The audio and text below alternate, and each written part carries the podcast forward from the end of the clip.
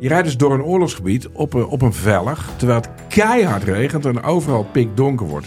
Nee, we durven niet te stoppen. En je- eh, ja, eh, Joep is nooit bang. Joep Vermans, de kamerman, die was nu ook echt bang. Via podimo.nl slash gonzo luister je de eerste 30 dagen gratis naar Podimo. podimo.nl slash gonzo. In de podcast Radio Romano met Noortje Veldhuizen Marcel van Roosmalen. En met Roelof de Vries.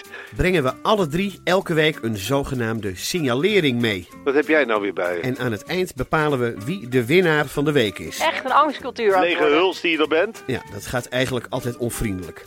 Luister nu naar Radio Romano bij Podimo. Via podimo.nl slash Radio Romano luister je 30 dagen gratis. Daar heb je die rekenkamer weer. God, daar komen ze weer. En het is ook nooit goed. En eh, ja, lekker en makkelijk aan de zijlijn. En wij staan met onze poten in de klei.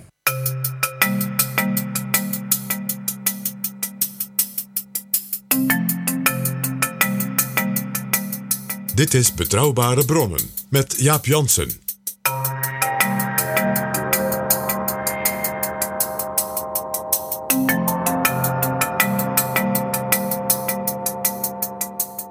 Hallo, welkom in Betrouwbare Bronnen, aflevering 17. Straks praat ik met Arno Visser, de president van de Algemene Rekenkamer, gevestigd aan het deftige Lange Voorhout in Den Haag. Hij onderzoekt voor ons, de belastingbetalers, of de overheid haar uitgaven rechtmatig doet en doelmatig. En dat gaat niet altijd goed of snel. Begin jaren 90 moesten nog de jaarrekeningen van het kabinet Den L in de jaren 70 goedgekeurd worden voor sommige ministeries. Moet je je voorstellen dat het eerste Paarse kabinet nog verantwoording aflegde over jaarrekeningen van de periode Den L. Dat is absurd. Ja, dat is absurd. Is elke euro die de overheid uitgeeft wel besteed? vraagt Arno Visser zich af. Die vraag wordt des te interessanter nu de overheid aan de vooravond staat van een enorm klimaatplan. Groter dan de wederopbouw, zegt premier Mark Rutte. Klein voorbeeld: alle steden proberen fijnstof terug te dringen. Elk jaar komen ze met lijstjes of er voldoende effect is. Ja, dat kun je meten, maar als er verbetering of verslechtering is of stilstand, is er niet meer te achterhalen of het komt omdat het we- beleid van de gemeente niet goed werkt, het beleid van de provincie niet goed werkt of het beleid van het Rijk niet goed werkt. Dus wij kwamen tot de conclusie dat niemand in dit land kan zeggen of je voor hetzelfde geld meer had kunnen doen of dat je hetzelfde had kunnen bereiken met minder geld. En dat is de essentiële democratische keuze. Op een gegeven moment zou je moeten zeggen: oké, dit is de verbetering, nu gaat het over luchtkwaliteit. Ik vind het niet goed genoeg, ik wil er meer geld aan besteden. Of je zegt, nou, ik vind de resultaten prima. En we kunnen er minder geld aan besteden. En dan kunnen we iets gaan doen aan onderwijs of cultuur of defensie of nou, noem maar op. De Rekenkamer vindt het belangrijk dat organisaties hun prestaties onderling kunnen vergelijken. In het onderwijs kan dat nu niet goed, zegt Visser. De minister moet een eenvoudig systeem neerleggen dat iedereen kan gebruiken. En iedereen voor zichzelf te nutten kan maken. Maar waarvan ook een raad van toezicht van een onderwijsorganisatie kan zeggen: Goh, mijn bestuur zegt ik heb hele goede keuzes gemaakt. Dat geloof ik graag. Maar ik ga, ik ga graag eens vergelijkingen aan met een ander bestuur. Kan ook een ziekenhuis zijn, kan ook een universiteit zijn. Maak nou gewoon simpel toepasbare indicatoren, methodieken. Eh, want je zult toch iets moeten verzinnen. Maar ga niet allemaal het wiel uitvinden. En doe dat op één plek. En zo komt de president van de Rekenkamer straks met veel meer voorbeelden. En hij vertelt dat het dysfunctioneren van ICT bij de overheid zo'n groot probleem is dat de Rekenkamer daar permanent onderzoek naar is gaan doen. Heel veel ICT-systemen bij de overheid zijn te snel en onvoorbereid in gebruik genomen. Dus hè, alsof je een auto bestelt die te veel kon, maar tegelijkertijd had die auto geen stuur. Maar we ging wel de weg op. Dit en veel meer straks in een gesprek met Arno Visser. Maar nu eerst de historische rubriek. Jaap Jansen en Pieter Gerrit Kroeger duiken in de politieke geschiedenis. PG, welkom. Dag Jaap. Als ik u zeg, wat een geweldig land hebben we toch, dan denkt u vast, daar heb je die Rutte weer. Ja, wat een brief had hij gemaakt, hè? Een brief over het breekbare vaasje. Ja, het was van een boeiend eind van het parlementaire jaar ook. De minister-president die eigenlijk de Nederlanders dan weer doordringen hoe, ja, hoe, hoe zuinig je op je land en op je democratie moet zijn. Een heel bijzonder gebaar vond ik het wel. Het leek wel een soort koninklijke kersttoespraak. Ja, maar dan wel seculier. Ja, maar we begrepen wel wat hij ermee bedoelde. We, we waren natuurlijk wel in verwarring toen we de krant opensloegen, het Algemeen Dagblad of een van de regionale kranten. deed mij ook even denken aan een visitekaartje wat Willem Drees ooit in de brievenbus heeft eh, laten deponeren. Aan de vooravond van de Tweede Kamerverkiezingen. Met eigenlijk als enige tekst ongeveer gaat al een stemmen. Stond wel onder W. Drees, Partij van de Arbeid. Of nee, dat stond er zelfs niet eens. Er stond denk ik minister-president. Maar iedereen wist, oh ja, die man is, dachten we van de Partij van de Arbeid. Dus misschien gaan we wel op die partij stemmen. Dus het is altijd een beetje dubbel, zo'n brief. Ja, vader Mark is het nog niet helemaal. Hè? Nee, nee, het is wel een nieuwe rol voor hem, vind ik. Ja, als historicus was ik dan ook buitengewoon geboeid. Uh, want ja, ik kijk natuurlijk ook voor de lieve luisteraars van Betrouwbare Bronnen naar zoiets meteen met waar in onze geschiedenis en onze parlementaire geschiedenis uh, vind je, nou ja, zo'n punt als Drees. Uh, ik zou je zeggen, dit gaat vele, vele, vele eeuwen terug in onze historie. Uh, die brieven? Ja, nee, dat, dat hele idee van die gedachte, van die kwetsbaarheid. En dat je dan samen, uh, dat heeft hele bijzondere uh, ja, kenmerken van Nederland. Wat ook wel leuk was, een Vlaamse dichter. Die dus met, met zeg maar een wat, wat, wat glimlach naar, naar die Hollanders kijkt. Stijn de Pape. Ah, die ken ik van Twitter. Ja, en dat is de reden. Hij, hij, geeft elke dag tenminste een gedichtje over de politieke actualiteit van die dag. Dat is heel knap. Meestal over de Vlaamse of Belgische politiek. Maar ook over Europa en over Trump en over Poetin. En hij, hij, heeft ook wel iets met Nederland. Hij is van de krant De Morgen. Een van de mooie uh, zeg maar, kwaliteitskranten in Vlaanderen. En elke dag, ja, ik vind het bewonderenswaardig. En ja, dat vaasje, nou het duurde geloof ik een uur of anderhalf. En daar kwam het gedichtje over die Hollanders. Wat dus de, de Belgen wel kaaskoppen, dan wel keeshonden, keesen noemen. En ik ga het gedichtje nog even voorlezen. Het woord is aan Stijn de Pape via PG. Weet je, zei Kees tegen Klaasje, knabbelend op een goudskaasje. Nederland is, ik verbaas je, breekbaar als een speculaasje. Dun en fragiel als een gaasje. Vluchtig en klein als een haasje. Au, Klaasje sloeg Kees voor zijn kop. Klaas, met ons het breekbaarste vaasje? Het is bijna Jip en Janneke taal. Dat moet VVD'ers aanspreken. Want de voorzitter van de VVD heeft ooit gezegd, jaren geleden, dat die partij meer Jip en Janneke taal moest gaan spreken. Maar het is wel Vlaamse rococo-poëzie van het fijnste. En gebaseerd op het, het woord van de Nederlandse minister-president. Die in feite, ja, toch, waar je veel tumultualiteit hebt. Ook in zo'n jaar 2018. Met veel geschreeuw, veel gedoe. Uh, oppositie, soms wel, soms niet. Regeringspartijen die het ook niet altijd met elkaar eens zijn. Ja, en toch zie je Rutte met een zekere bijna zenachtige, zenachtige rust beschouwend kijken naar het land en de stand van het land en hoe hij de burgers als het ware wil meenemen. Laten we even ook naar Rutte luisteren. Dat het ontzettend belangrijk is dat we ons realiseren dat we dat met z'n allen eh, bij elkaar houden. Dat we, ja, wat ik in die brief noem, dat tere vaasje met z'n allen overeind houden. En dat we ook wel trots op mogen zijn dat dat lukt. Voor wie voert u een eigen campagne? Het hele woord VVD staat daar niet in. Dit is voor de mensen in dit land, al die mensen die druk bezig zijn, gezin, kinderen, uh, misschien gepensioneerd, hard hebben gewerkt. Uh, al die mensen die daarnaast zich ook nog druk maken om een ander. Een persoonlijke boodschap van u? Ja. Dat was Rutte. Nou, uh, één ding bereikt hij onmiddellijk. Was natuurlijk een werkelijk feest voor de liefhebber van social media. Met plaatjes, met vaasjes, met wat al niet uh, de fantasie van uh, de Nederlanders en de Vlamingen dus. Hè. Ja, en het vaak zag je meteen al uh, het vaasje als een, in de vorm van een glas bier. Want daarmee wordt de VVD natuurlijk ook vaak, vaak geassocieerd. Hè. Bier, bitterballen, en, proefballonnen. En, en, en, en ja, het vaasje ruimt natuurlijk ook op Klaasje. Dus, ook bij de Vlamingen. Dus de foto's van Klaas Dijkhoff met een bier. En dat schijnt toch een beetje een soort natuurlijke Thierry Aartse toppos van hem te zijn. Die foto's gingen dus rond. Vaas Dijkhoff? Ja. En toch, en toch, en toch. Die benadering van die kwetsbaarheid. En dat met elkaar koesteren van wat je hebt. En ook beseffen dat het breekbaar is. En dat het dus niet alleen maar vanzelf altijd goed gaat. Even een waarschuwing vooraf, luisteraars. PG gaat Rutte nu serieus nemen. PG gaat Rutte nu serieus nemen. Dat, is een, dat, is, dat, dat moet je vaker doen. Dat probeer ik in deze uitzending te laten, te laten merken. Het is ook een beetje het geheim van de kabinetten van ons land Eigenlijk al sinds 2008, 2009, dus dit, sinds zeg maar Lehman Brothers, de kredietcrisis. En die mentaliteit die daarachter zit, is zelfs nog veel, veel ouder. Eigenlijk hebben wij sinds nou, 2008, 2009, die kredietcrisis, alleen maar zogenaamde Kunduz-coalities gehad. Dat er dus uh, op allerlei manieren uh, meerderheden gecreëerd werden met hele verschillende partijen. Met elkaar. Eigenlijk altijd als hele club. Ja, en partijen die het dus ook soms helemaal oorspronkelijk niet met elkaar eens zijn. Ik noem maar D66 en de SGP in de vorige periode. Hè, de constructieve drie, ook met ChristenUnie erbij. En GroenLinks ging dan weer meedoen met, met, met Rutte en Bussemaker bij het afschaffen van de studiebeurzen. En Buma zou niet meedoen, maar deed mee bij een enorme belastinghervorming. De Kunduz-coalitie was toen voor Rutte één gedoogd door de PVV ten val kwam. Omdat de PVV niet meer meedeed. GroenLinks deed mee, de Revo's deden mee, D66 deed mee.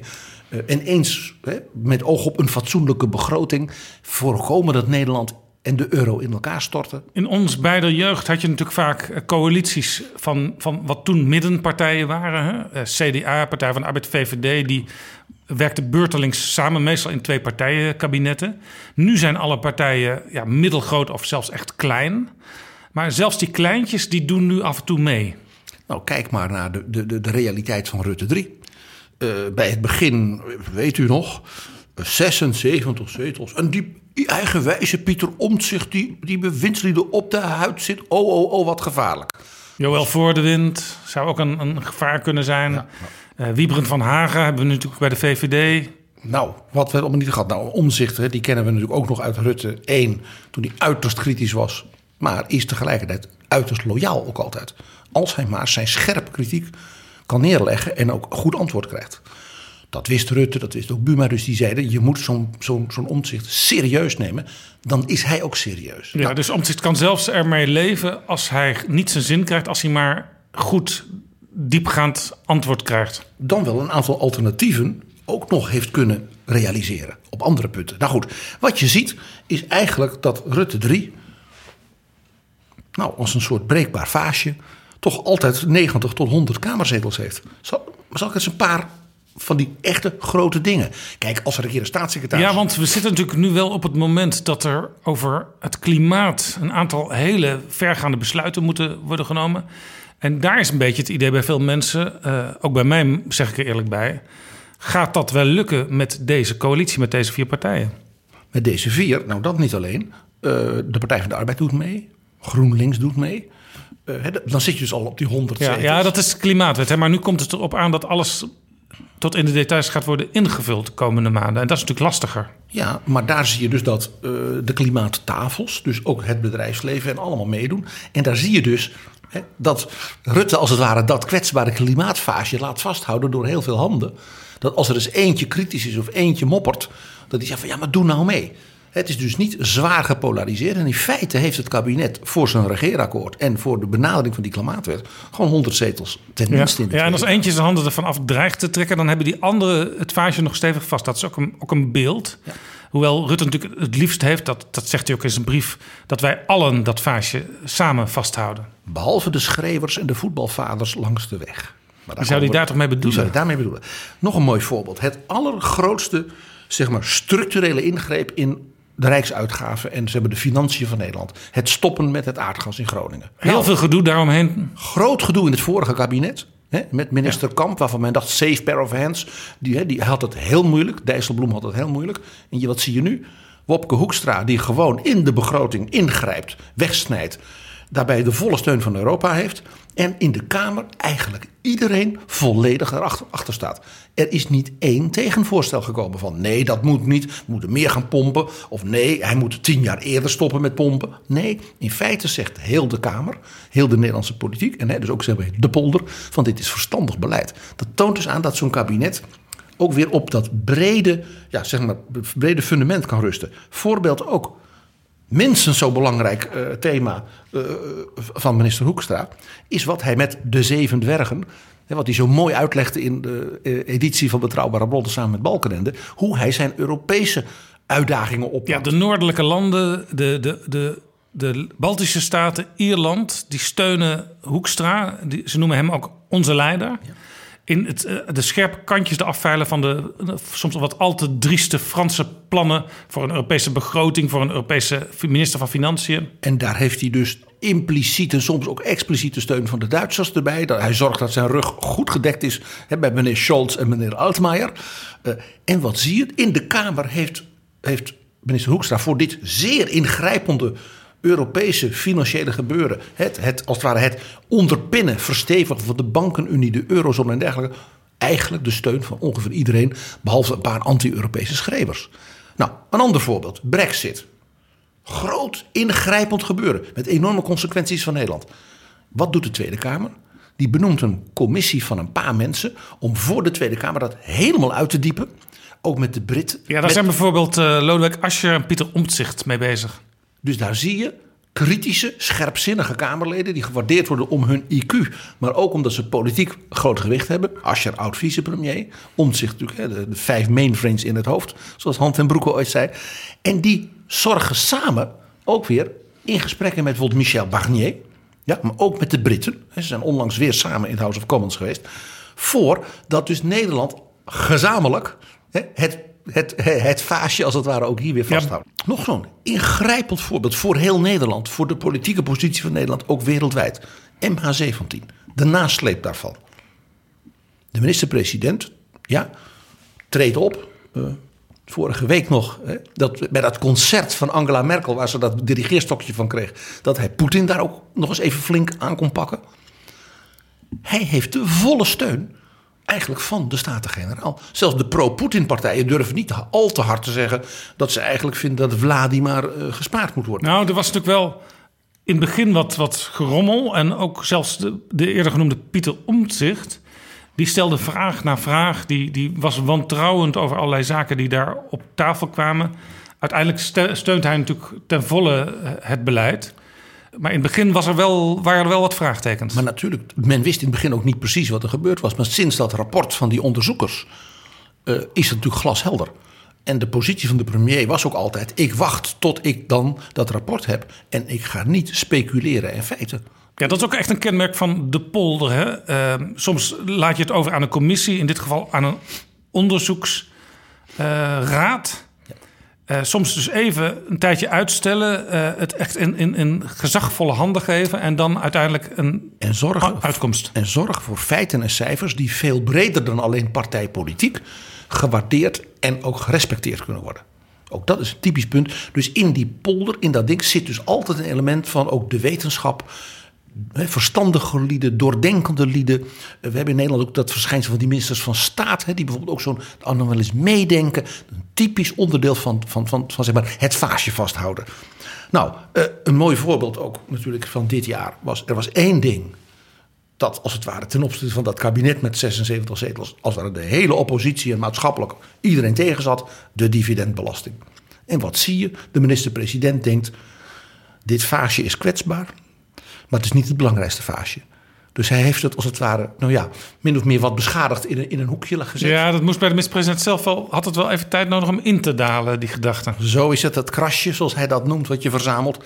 Maar feitelijk, wat is het effect? Dat de oppositie, parlementair, tegen de premier... nu geen enkel gemeenschappelijk onderwerp meer heeft. En dus ook leiderloos is. Ja, Want nee, dit een- was een, een mooi, mooi voorbeeld inderdaad van oppositie. Want die dividendbelasting, die voorgenomen afschaffing... die bracht niet alleen de linkse partijen bij elkaar... maar zelfs eh, PVV, Forum voor Democratie, eh, noem ze allemaal maar op. Die De waren het daar helemaal mee eens. Nu is dit onderwerp weg en nu zie je dus geen gezamenlijke oppositie meer. En er is ook geen echte oppositieleider meer. Het is versplinterd nu, het zijn net gele hesjes. Conclusie. Eigenlijk worden we ook dus nu in deze kabinetsperiode weer... met een op het eerste gezicht natuurlijk zeer kwetsbare... Ja, eh, bijna labiele coalitie van vier met maar één zetel meerderheid... geregeerd door Kunduz-coalities. Dus gezamenlijke... eh, eh, hoe zal ik het zeggen? Een soort een gevoel van gezamenlijkheid rond grote uitdagingen. Hè? Denk Groningen, denk klimaat, denk de eurozone, de toekomst van Europa, denk Brexit, MH17. Nou, je ziet, dit zijn allemaal al hele grote thema's. En dat er dan af en toe eens een keer een staatssecretaris een, een, tik, om, ja, een tik op zijn neus krijgt. Of een minister van Onderwijs eh, niet komt opdagen bij een demonstratie van professoren. Of de minister-president een kras heeft bij zo'n dividend. Het zal wel. En het gekke is dat zo'n Koenders-coalitie die hebben we gezien voor het eerst toen kabinetten vielen. Hè. Eerst viel het kabinet Balken, later viel het kabinet Rutte 1. En meestal is dat een opmaat voor een heleboel vertraging in het systeem. Maar hier blijkt het juist een, soort accelerator te zijn soms. Ja, dat is een van die merkwaardige elementen van de Nederlandse politiek. Of vind ik een hele mooie waarneming. In België ligt dan alles twee jaar stil. België is dus geen polderland. Dat heeft ook te maken dat die taalgroepen elkaar zeker het licht in de ogen niet gunnen. En ook echt als belangengroepen tegenover elkaar staan. Ja, wat je nu ook heel extreem weer dreigt te zien aankomen in, in Frankrijk. Waar Macron natuurlijk een aantal dingen echt anders wil gaan doen. Maar hij stuit toch weer op dat Franse systeem van permanente oppositie. Ja, die, En stakingen. die, die merkwaardige combinatie in Frankrijk dat de president de leider is en eigenlijk Lodewijk XIV en Napoleon in één persoon. En tegelijkertijd altijd geen hervormingen voor elkaar krijgt. Maar goed, andere keer, want het is Frankrijk is natuurlijk een fascinerend land. Wat zagen we in Nederland? De kredietcrisis, de eurocrisis, Lehman Brothers, de banken vielen om. En er ontstond heel snel een soort nationale strategie van samenwerken, sterk in Europa, proberen met de steun van de andere Europese landen onze munt te redden, onze banken, ook die centrale banken erbij te halen. De, de Mario Draghi's, de Fed. Je zag hoe Jan-Peter Balkenende enorm zijn best deed. Hè? Hi George, hè, dat fascinerende gesprek dat we onlangs met hem hadden. Om Jan in- Peter. Jan Peter, ja. Om in die G20 ook als Nederland mee te kunnen doen. Om vooral die zijn inbreng te hebben. Ja, als Aan tafel zitten. vaasje, vaasje vasthouden. Het, ging, het ging niet om dat hij zegt: Oh, ik mag in het regeringsvliegtuig naar een vergadering. Nee, ik wil vooraf in die vergadering een aantal agendapunten kunnen meediscussiëren. Met Angela, met toen Gordon Brown, met Sarkozy. Opmerkelijk, typisch Nederlands: saneren, samenwerken en inclusief handelen. In die tijd waren het ook mensen die dat allemaal niks vonden, wat Balkenende deed. Dat waren de PVV en de SP. Die gekozen toen, hè, dat, en dat is niet veel veranderd, voor een soort neonationalistische koers. We moeten het zelf doen in Nederland en dan, nou, hoe dan precies werd nooit duidelijk. Maar die kozen tegen dus die inclusieve manier van, van denken. Wat trouwens ook eh, heel erg tegenstrijdig is natuurlijk. Want als je het samen wil doen in Nederland, dan doe je het wel samen. En dan hou je toch binnen die hekken van Nederland eh, dat, dat vaasje vast. Het, het, het- de inconsistenties daarvan is een verhaal apart. Maar ik kijk gewoon even naar de cijfers. Die twee partijen hadden toen 35 zetels. Bij Balken en de Vier. Ze hebben er nu 34. Je kunt een hoop beweren, maar niet dat dat dus betekent dat het volk sindsdien massaal tegen die benadering is. Nee, en we denken wel eens dat dat zo is om, als we de media volgen. Maar je moet dat inderdaad met een korreltje zout nemen. En soms wat historisch bekijken. Ja, het is wel, het is wel meer dan zeg maar, in de jaren 70 en 80. Het, het, het zijn andere dingen. Eh, maar de virulentie was toen niet minder. Eh, we hadden het eh, vorige week nog heel even over mevrouw Merkel. Eh, Duitsland was in de jaren 70 en 80, hè, daar liep een scheur doorheen, een muur. En je had de Rode Armee-fractie, die politici, topondernemers, rechters vermoorde, dan wel ontvoerde. Dus laten we niet te snel vergeten dat polarisatie ook toen af en toe zeer gewelddadige elementen kende. Ja, en hier in Nederland had je natuurlijk eh, de maagdenhuisbezetting eind jaren 60 al. Ja, maar Rara eh, heeft ook het nodige geprobeerd. Ja, en, en toch ook stevige vakbondsacties in de jaren 70 en 80. Zo is het. Nou, wat je dus zag, eigenlijk dat bij Balken en de Vier met de kredietcrisis en de, en de Rutte-kabinetten sindsdien met de eurocrisis en er samen weer uit proberen te komen. Hè, dat ze gingen koendoezen, hè, zoals dat wel heet. Klassiek polderen. Iedereen proberen mee te laten doen. En dat de polarisatiegolf die je eigenlijk maar rond 11 september had. Ik zal maar zeggen, Fortuin. En ook Jan Marijnissen die toen enorm opkwam. Dat die eigenlijk door Lehman Brothers als het ware ja, zijn, zijn, zijn, zijn, zijn teruggedrongen. Eén interessant punt.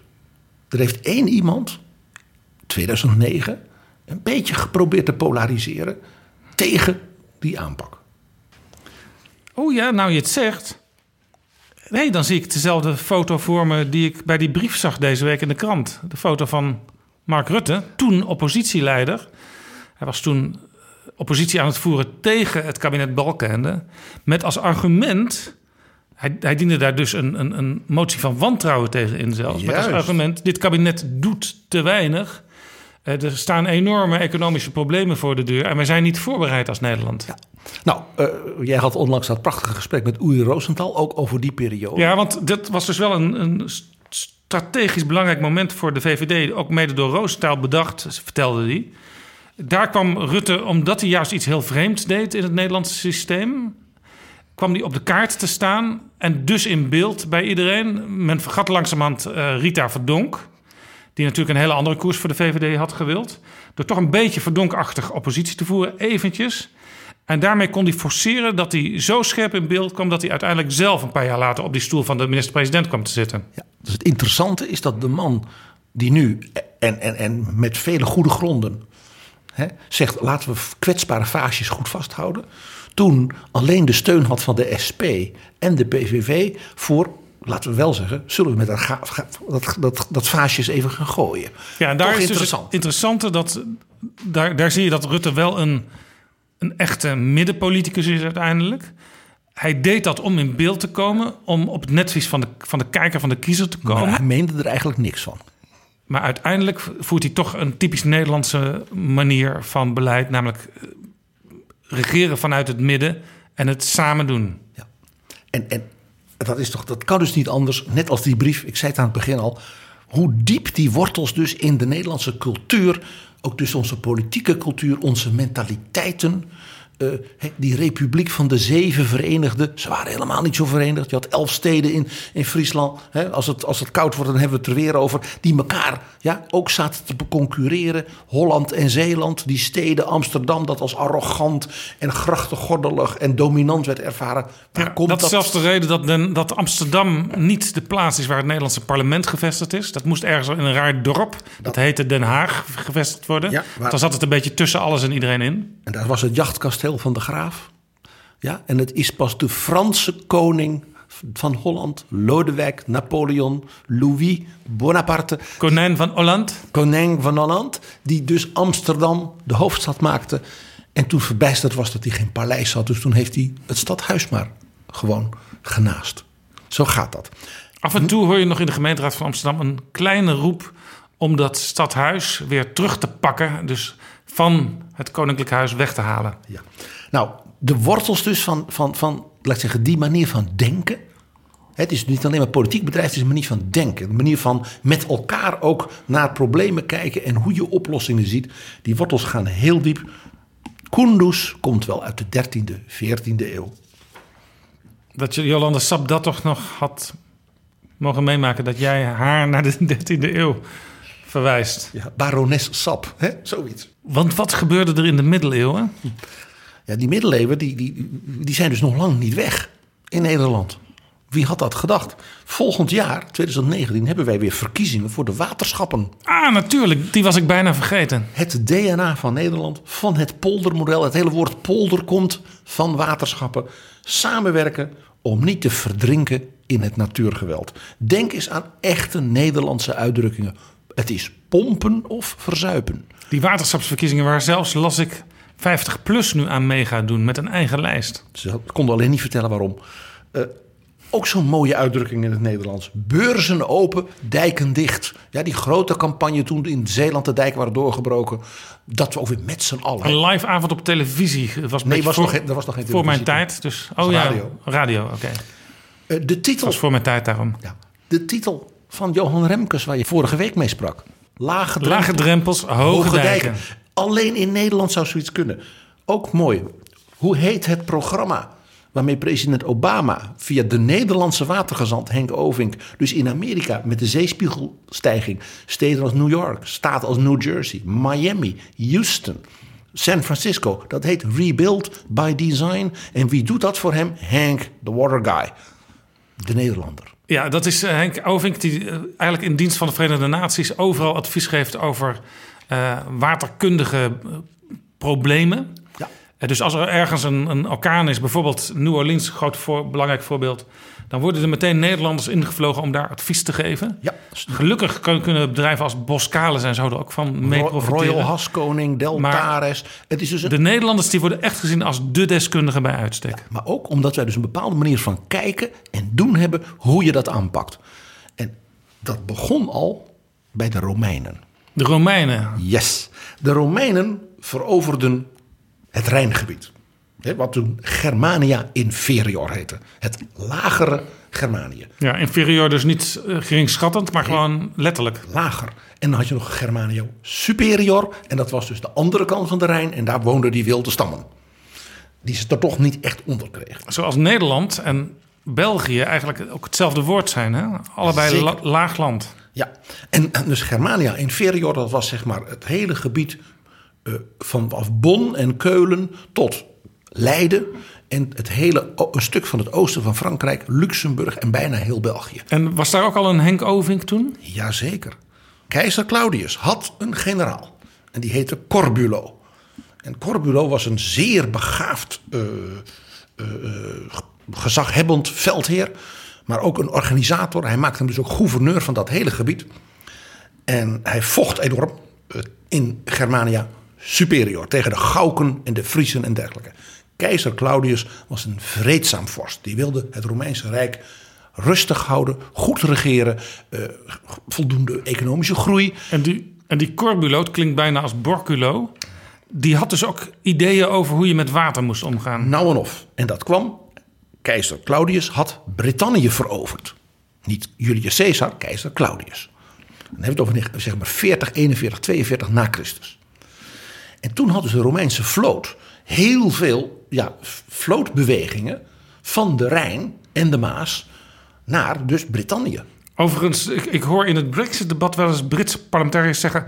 eh, ons eiland is nooit bezet geweest. Maar dat is dus niet waar. Dat is niet waar, keizer Claudius. En om dus die vlootbewegingen vlot te maken en te voorkomen dat die vloot op zee, op dus de Noordzee, door stormen beschadigd raakte. Want de keizer wou natuurlijk wel dat zijn vloot eh, betaalbaar bleef. Hè? Dat was bijna een Hollander. uiteraard. Bijna een Hollander, Claudius. Toen heeft hij dus deze generaal een gracht laten graven. Let wel, tussen Leiden en Naaldwijk. 34 kilometer lang. De zogenaamde Fossa Corbulonis, de gracht van Corbulo. Zo heette die ook. En dat was dus een enorm waterwerk langs de duinen. Dus je had een droge oever. Die andere kant was veen, dus dat werd allemaal Maar dat was om, het, om, om die schepen niet op de Noordzee te laten varen. Juist. En ook voor, dus voor het materiaalverkeer tussen die Romeins, al die Romeinse forten langs de Rijn, hè, dit, dit liep langs Leiden, en de forten voor de vloot, onder andere in Zeeland. Want op de Noordzee was het wel eens onstuimig. En met al die planken en, en, en ijzerwaren en zo... kon je beter dan op zo'n soort kanaal, laat ik het maar noemen, varen. Precies, dat was een kanaal. En daaromheen was dus, zorgden ze dat er bebouwing was. Daar waren forten. En bij Voorburg werd dus zelfs, dat was als het ware zeg maar, het verdeelpunt. Daar was ook een grote haven, een soort binnenhaven voor de Romeinse leger. Daar werd een hele stad gebouwd, Forum Hadriani. Naar keizer Hadrianus. Juist, want keizer Hadrianus heeft daar dus een hele tijd gewoond. Ons Voorburg, die keurige slaapstad van Den Haag, is een tijd lang de hoofdstad geweest van het Imperium Romanum. De plaats die ik voornamelijk ken als treinstation op weg van Amsterdam naar Den Haag. En deze, deze keizer was, er trok als eerste door zijn hele rijk. Zo vreedzaam en zo rustig was het toen. En ging dus overal kijken, rechtspreken, dingen reorganiseren. En heeft een hele tijd dus in, vanuit Voorburg, zowel in Brittannië als in Gallië, als dus maar richting Keulen. En dat was nou ja, goede, goede verbindingen, dankzij onder andere die gracht. Kon dus de keizer van daaruit zijn, zijn imperium regeren. Dus die gracht van Corbulo was een heel belangrijk waterwerk. Dus Voorburg, waar nu Sibrand Buma woont... waar nu Frits Wester woont... was toen eigenlijk een van de centra van de Romeinse wereld. Absoluut. En er staat op een plein in Voorburg ook een groot ruiterstandbeeld. Alsof de Romeinen het er zelf hebben neergezet van generaal Corbulo. En dat is verdiend. De man was zo, zo'n krachtige man, ook als heerser en als bestuurder. Dat ze hem van de Nederlanden hebben gestuurd naar lag niet Syrië. Om daar rust te brengen, ook toen al. En heeft toen de Romeinse legioenen aangevoerd tegen de Parten. Wat nu zeg maar Irak en Perzië is. Die heeft hij verslagen. Kortom, hij werd toegejuicht in Rome en door de troepen en iedereen. Die, gracht heeft dus 220 jaar van eh, dienst gedaan. Dus dat was echt een belangrijk groot werk. We weten dat de Romeinen met hun aquaducten, met hun wegen, hè, geweldige inframakers waren. En hoe deden ze dat? Nou ja, beetje Holland zouden wij nu zeggen, krachtige overheid. De bedrijven eromheen. Hun ingenieurs, hun briljante ontwerpers, architecten en we- wetenschappers. Die precies konden uitrekenen hoe je zoiets moest aanleggen. En die werkten dus samen onder leiding, in dit geval van Corbulo, voor dus die zeer verstandige en, en gematigde keizer Claudius. Dus als ik het goed begrijp, hebben wij Nederlanders het van de Romeinen geleerd. Je zou het bijna zeggen dat we het van de Romeinen hebben geleerd. Alleen, dat heeft natuurlijk even daarna, hè, hadden de diepe middeleeuwen. En toen kwam er iets nieuws. Toen begon de bevolking te groeien. Er kwam dus iets meer welvaart. Er kwam ook duidelijk meer handel. En ja, eh, die veengebieden in wat wij nu Zuid- en Noord-Holland noemen... die ging men dus ontginnen voor landbouw... maar ook bijvoorbeeld voor allerlei industriële producten als eh, vlas... En ook bijvoorbeeld heel interessant voor de het grote textiel in Vlaanderen. Dat men bepaalde planten dus in de Nederlanden verbouwde voor kleuren. Want, want dat veen, dat, daar kon je niet veel mee. Dat was een beetje drassige zooi natuurlijk. Dus dat moest worden ontgonnen, drooggelegd en dergelijke. Dat is dus echt in de middeleeuwen gebeurd door wat wij nu kennen als de waterschappen. Dat was dus een samenwerkingsproject, daar ga je alweer, van de heer, het klooster, de stad, de boeren, eh, de mensen die wilden beleggen bijvoorbeeld in die nieuwe producten die je daardoor kon verbouwen. Eh, Er moest logistiek komen, want het water moest worden afgevoerd. Er moesten natuurlijk bruggen komen, sluizen, pompen. Kortom, samenwerken, technologie, slim kijken, snappen wat er gebeurt. En als dan de stormvloed kwam, of een enorme storm, dan was het dus permanente dijkbewaking. Dan was het pompen of verzuipen. Ik heb eens zo'n gemaal bezocht in, in, in de buurt van Haarlem. En je mond valt echt open van hoe slim dat allemaal bedacht is. Van het, het laten wegstromen van het water. eh, het, het, het weer ergens anders laten bijkomen. eh, al, al die sloten overal. En eh, als je het van boven bekijkt, ziet het er ook nog prachtig uit. Let op, dus nog iets. Dit is dus ook het begin van wat in die later eeuwen natuurlijk zo beroemd werd, de Nederlandse cartografie. Het maken van atlassen. Want dat was natuurlijk nodig om echt letterlijk in kaart te hebben waar moet je welke sloot, met welke sluis, met welk pompje, met welk gemaal, waar moet er een extra windmolentje komen, waar, waar blijft het drassig, moeten we dus een ander pad eromheen doen. Kortom, ook dat is allemaal een gevolg van die middeleeuwse waterschappen en dat ontginnen typisch Nederlands ook toen. Het was geen Garitas, het was natuurlijk mercantiel. Het moest dus planmatig, verdienen. planmatig gebeuren. Elke keer als ik terugkom in Nederland met het vliegmachine... dan kijk ik uit het raampje naar beneden... en dan zie ik al die prachtige kavels liggen. En dan zie je, dan zie je precies hoe het in elkaar zit. Tegenwoordig staan er ook windmolens bij. Dat is natuurlijk een teken van de nieuwe tijd. En nog iets, wat er ook zat. De angst voor de natuur. De ruigheid van het klimaat. De stormen, de stormvloeden, eh, eh, het wassende water. Bijna een thema in onze Nederlandse literatuur ook. Angst voor stormen en ontij. En dus permanente dijkbewaking. Altijd samen opletten dat je er niet aangaat. En daarin is een heer of een slaaf, een abt van het klooster of een eenvoudige boer. Ze zijn allemaal ja, dan een kind van God. Dat ze oppassen, dat ze niet verdrinken. En dan doe je het maar samen. Dan hou je elkaar maar een beetje vast. Dan kom je bijna uit. Je, je hoort de brief van Rutte alweer. Nou, eh, dit, dit was dus de middeleeuwen. Dus, dus, dus dat, dat Kunduz-achtige, zelfs die brief van Rutte, die zit dus heel diep in de middeleeuwen. Nou, dan gaan we natuurlijk naar onze Gouden Eeuw. Met leegwater, de grote, briljante ingenieur, organisator. Dus ook weer een wetenschapper.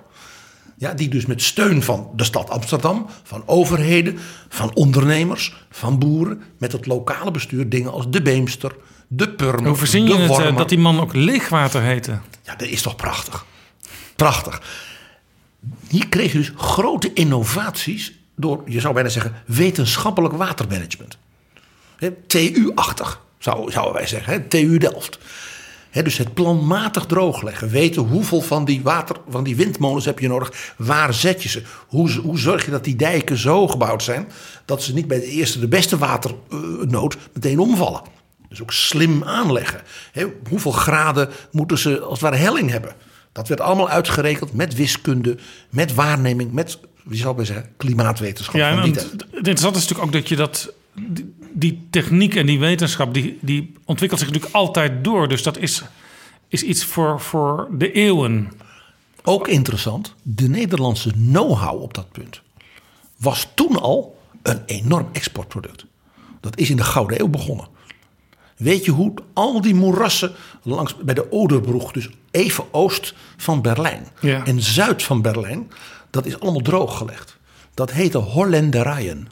Dat waren dus Ah, ja. Nederlandse boeren die dus met de kennis van het watermanagement, dus het waren allemaal mini-ovings, die daar in de 17e eeuw dus aan, aan de oost van Berlijn. En Dus dat- geen landerijen, maar Hollenderijen. Hollenderijen, Hollanderijtjes.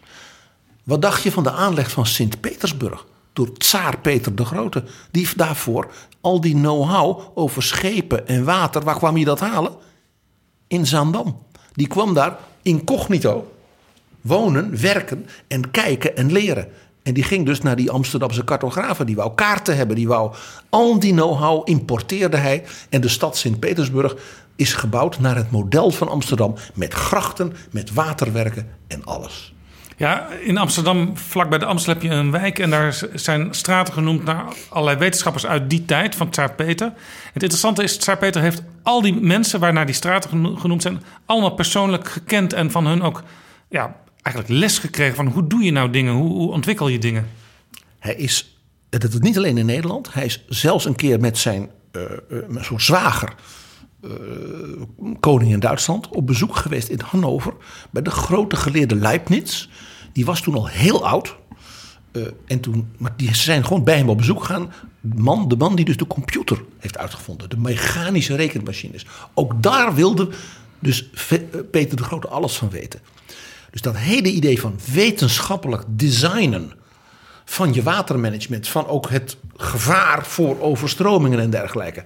Dat kwam dus in die 17e eeuw, was het al, toen al een enorm exportproduct. Met, met andere woorden, ook Nederland kennisland is niet iets van de laatste jaren. Zeker niet. Nou, eh, de 19e eeuw was natuurlijk weer een periode van enorme bloei van dat watergebeuren. Dankzij natuurlijk de stoomgemalen. Ineens kon je industrieel, en dat kon je dus nog meer preciezer uitrekenen. Hoeveel stoomgemalen, hoeveel uur, hoe hard. Hè, je kon het helemaal uitrekenen.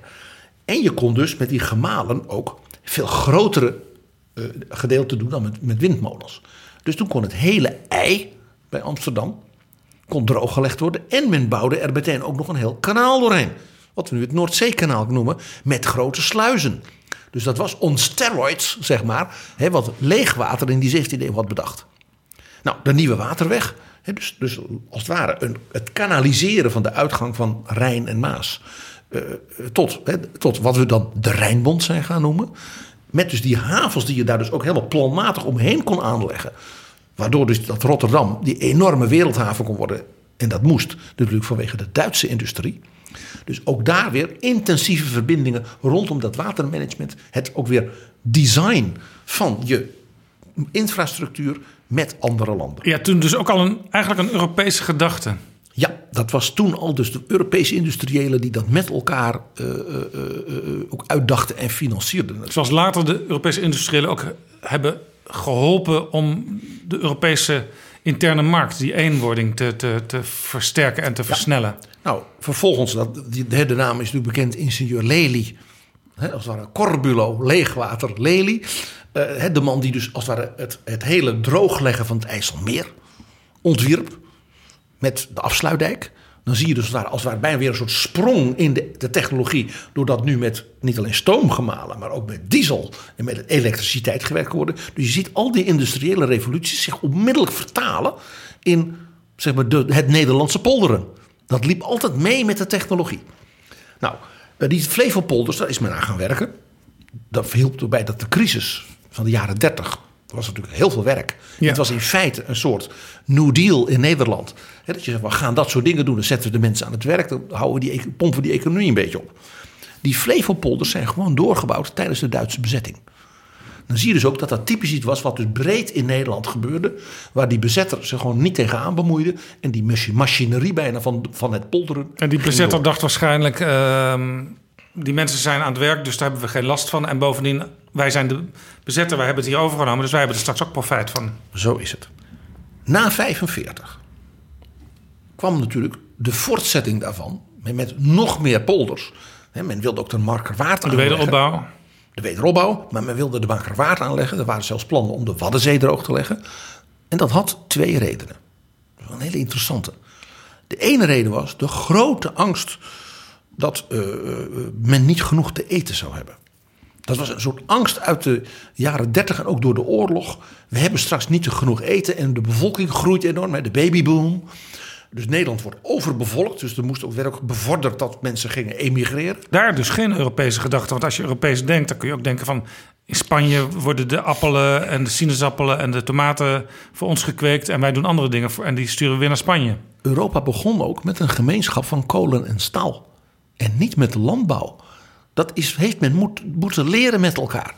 Die kolen en staal was zo'n succes dat men toen zei: zullen we niet, kunnen we niet nog meer dingen doen? De interne markt, wat we dus nu hebben, dat dat één geheel is.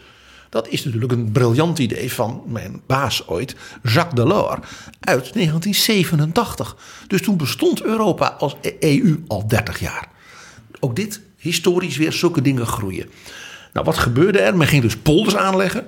Oostelijk Flevoland, eh, de, de Markerwaard, eh, de Noordoostpolder. Om eten te verbouwen voor die enorm groeiende bevolking van Nederland die geen eten had. We weten dat dat is een drogbeeld. Eigenlijk toen al verouderd bleek achteraf. Want de EU met zijn landbouwbeleid zorgde ervoor dat elke Europeaan goed en betaalbaar en uitvoerig te eten had. Ja, en zelfs, zelfs zou je kunnen zeggen, door het idee dat er te weinig eten zou zijn, zijn al die melkplassen en boterbergen en zo ontstaan. Helemaal, dat, dat bijna aanpompend, stimulerend het boeren produceren. Dat was dus een soort herinnering van de hongerwinter en van die zeer karige jaren, zeg maar 55, 1950. Van, hè, dat, dat, men, dat men ook dus mensen ging laten emigreren, want anders hebben we straks niet te goed, genoeg Zo, te eten. Zoals ik zelf, als ik uh, uit mijn normale dagelijkse ritme ben op reis bijvoorbeeld, dan eet ik als ik ergens eet altijd net iets meer dan normaal. Vanuit het idee van ik moet, ik weet niet waar ik vandaag nog voor de rest van de dag terecht kom. Een echte Hollander. Nou, de EU en de pil, hè, die verhielpen dat idee van dat er honger zou komen dan wel overbevolking. Zo zie je maar. Uh, Moet er wel de pil altijd beschikbaar zijn, want de afgelopen weken was hij af en toe uitverkocht. Ja, dat, uh, daar gaan we het nu verder niet meer over hebben, hoe daar, wat je daar aan kan denken. De Markerwaard heeft men dus ook maar gewoon niet aangelegd. Was niet meer nodig. Nee. En, en, en Flevoland werd een overloopgebied urbaan voor Amsterdam en dat heet Almere. Uh, Zeeland, 53, dus de, de, groot, de watersnoodramp, dat is een begrip in de Nederlandse geschiedenis, heeft natuurlijk een extra impuls gegeven voor ja, nieuw kijken naar de gevaren zeg maar, van overstromingen en, en storm en dergelijke voor de Nederlanden. Men had natuurlijk ook kunnen zeggen, nou we gaan die dijken, ja er zijn allemaal gaten gevallen, nou hè, beurzen open, dijken dicht, we gooien er nog wat zandzakken in en dan is wel weer goed. Nee, men begreep, dit moet fundamenteler. Dus dat idee van dat rebuild by design, hè, wat Obama dus uit Nederland overnam na die enorme hurricane Sandy, die heel New York en New Jersey platgooide, dat komt dus eigenlijk uit de deltawerken. Dus het opnieuw bekijken als het ware naar die hele delta. Dus nieuwe dammen, nieuwe bruggen, nieuwe sluizen. In feite een nieuwe infrastructuur bedenken. En je ziet dus nu in de klimaatdiscussies uh, uh, wereldwijd dat men dus naar Nederland kijkt. Uh, landen als Mexico, steden als Jakarta. maar bijvoorbeeld ook Henk Oving praat veel met de president van Tajikistan. Waarom? Dat zijn de grootste gletsjers van de hele Himalaya. En die gaan smelten. Wat doe je dan?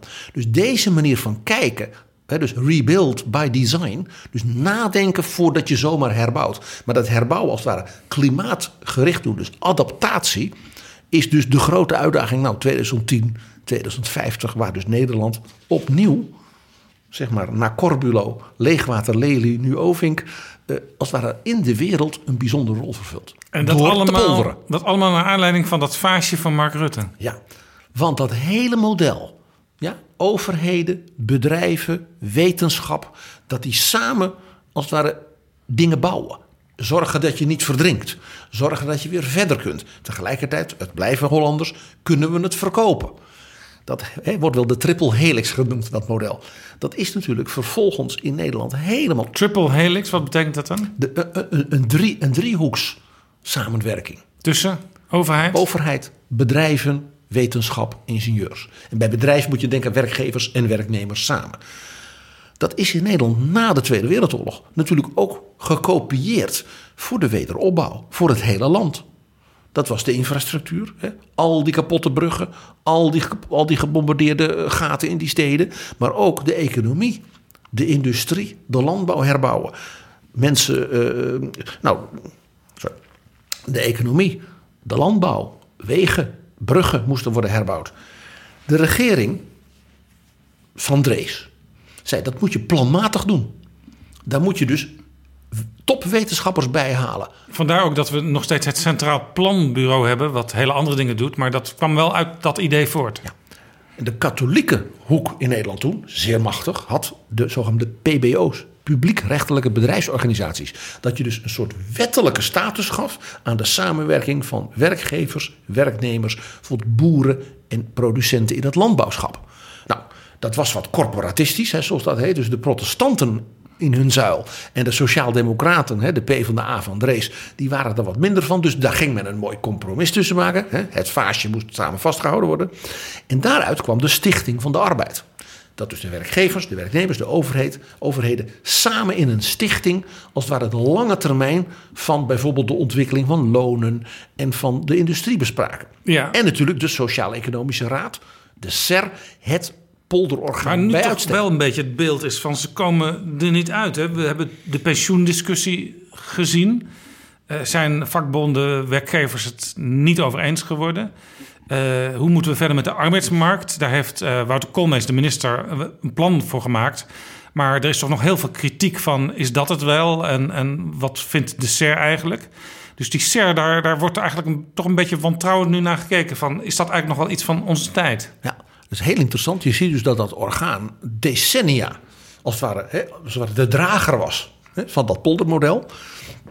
Je zag het ook in de onderwijssector, in de zorgsector met die koepels, hè, waar dan zo werknemers, eh, hè, de, de, de schoolbesturen en de lerarenvakbonden en de minister en de staatssecretaris van Onderwijs en de, en de universiteiten met elkaar samenwerken. Werkt ook niet altijd. Dus je hebt bijvoorbeeld de PO in actie. Dat zijn die, eh, die mensen van het, eh, van het basisonderwijs die, die op, op eigen kracht eh, ook wel dingen voor elkaar hebben gekregen. Ja, je ziet dus altijd geweest. Jij wees zelf hier- hiervoor op de jaren 70 de enorme vakbondsacties, de enorme stakingen in het begin van Lubbers. Ja. Tegen de ingrepen van, van, van minister Deetman.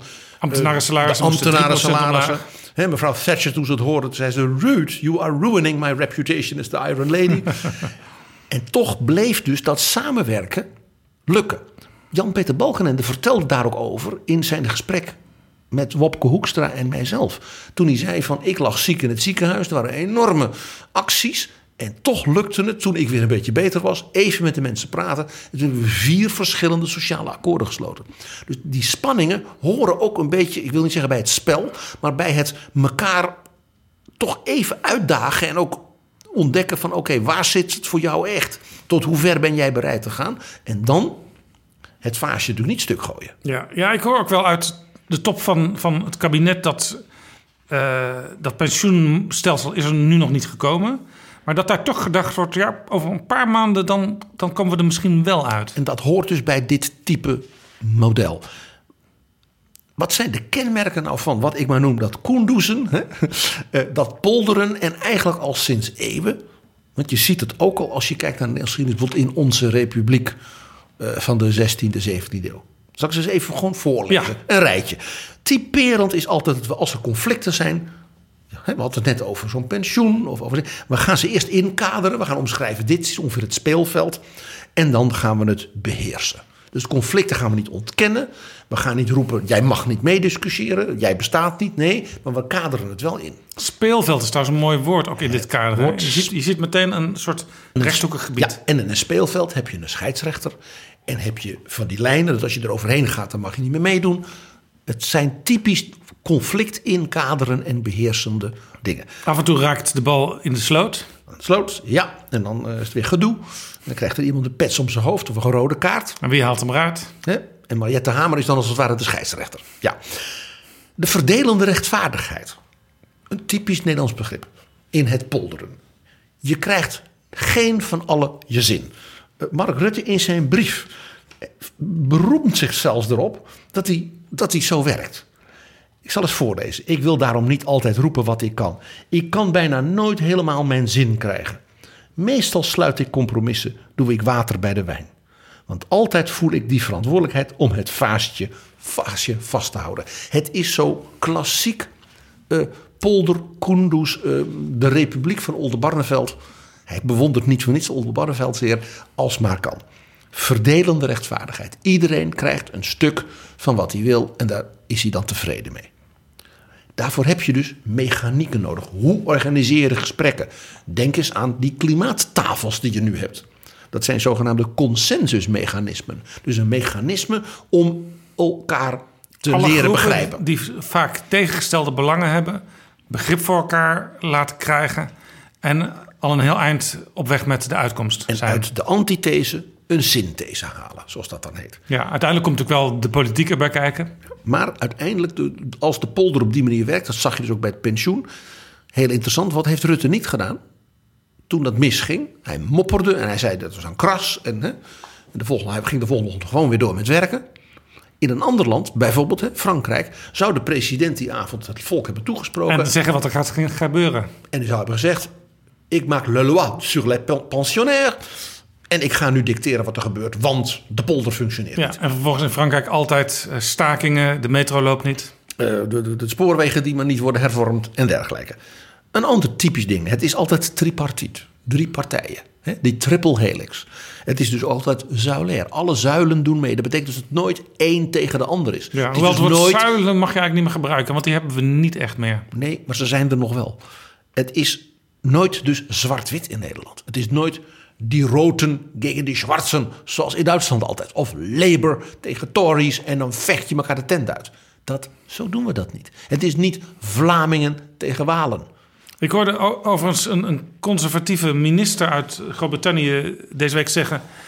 Misschien zouden we eens moeten kijken of we niet uh, over de partijen heen tussen conservatieven en Labour afspraken kunnen gaan maken over de Brexit. Dat, dat, dat hij bracht als een heel nieuw idee. Volkomen nieuw en jaren en jaren te laat.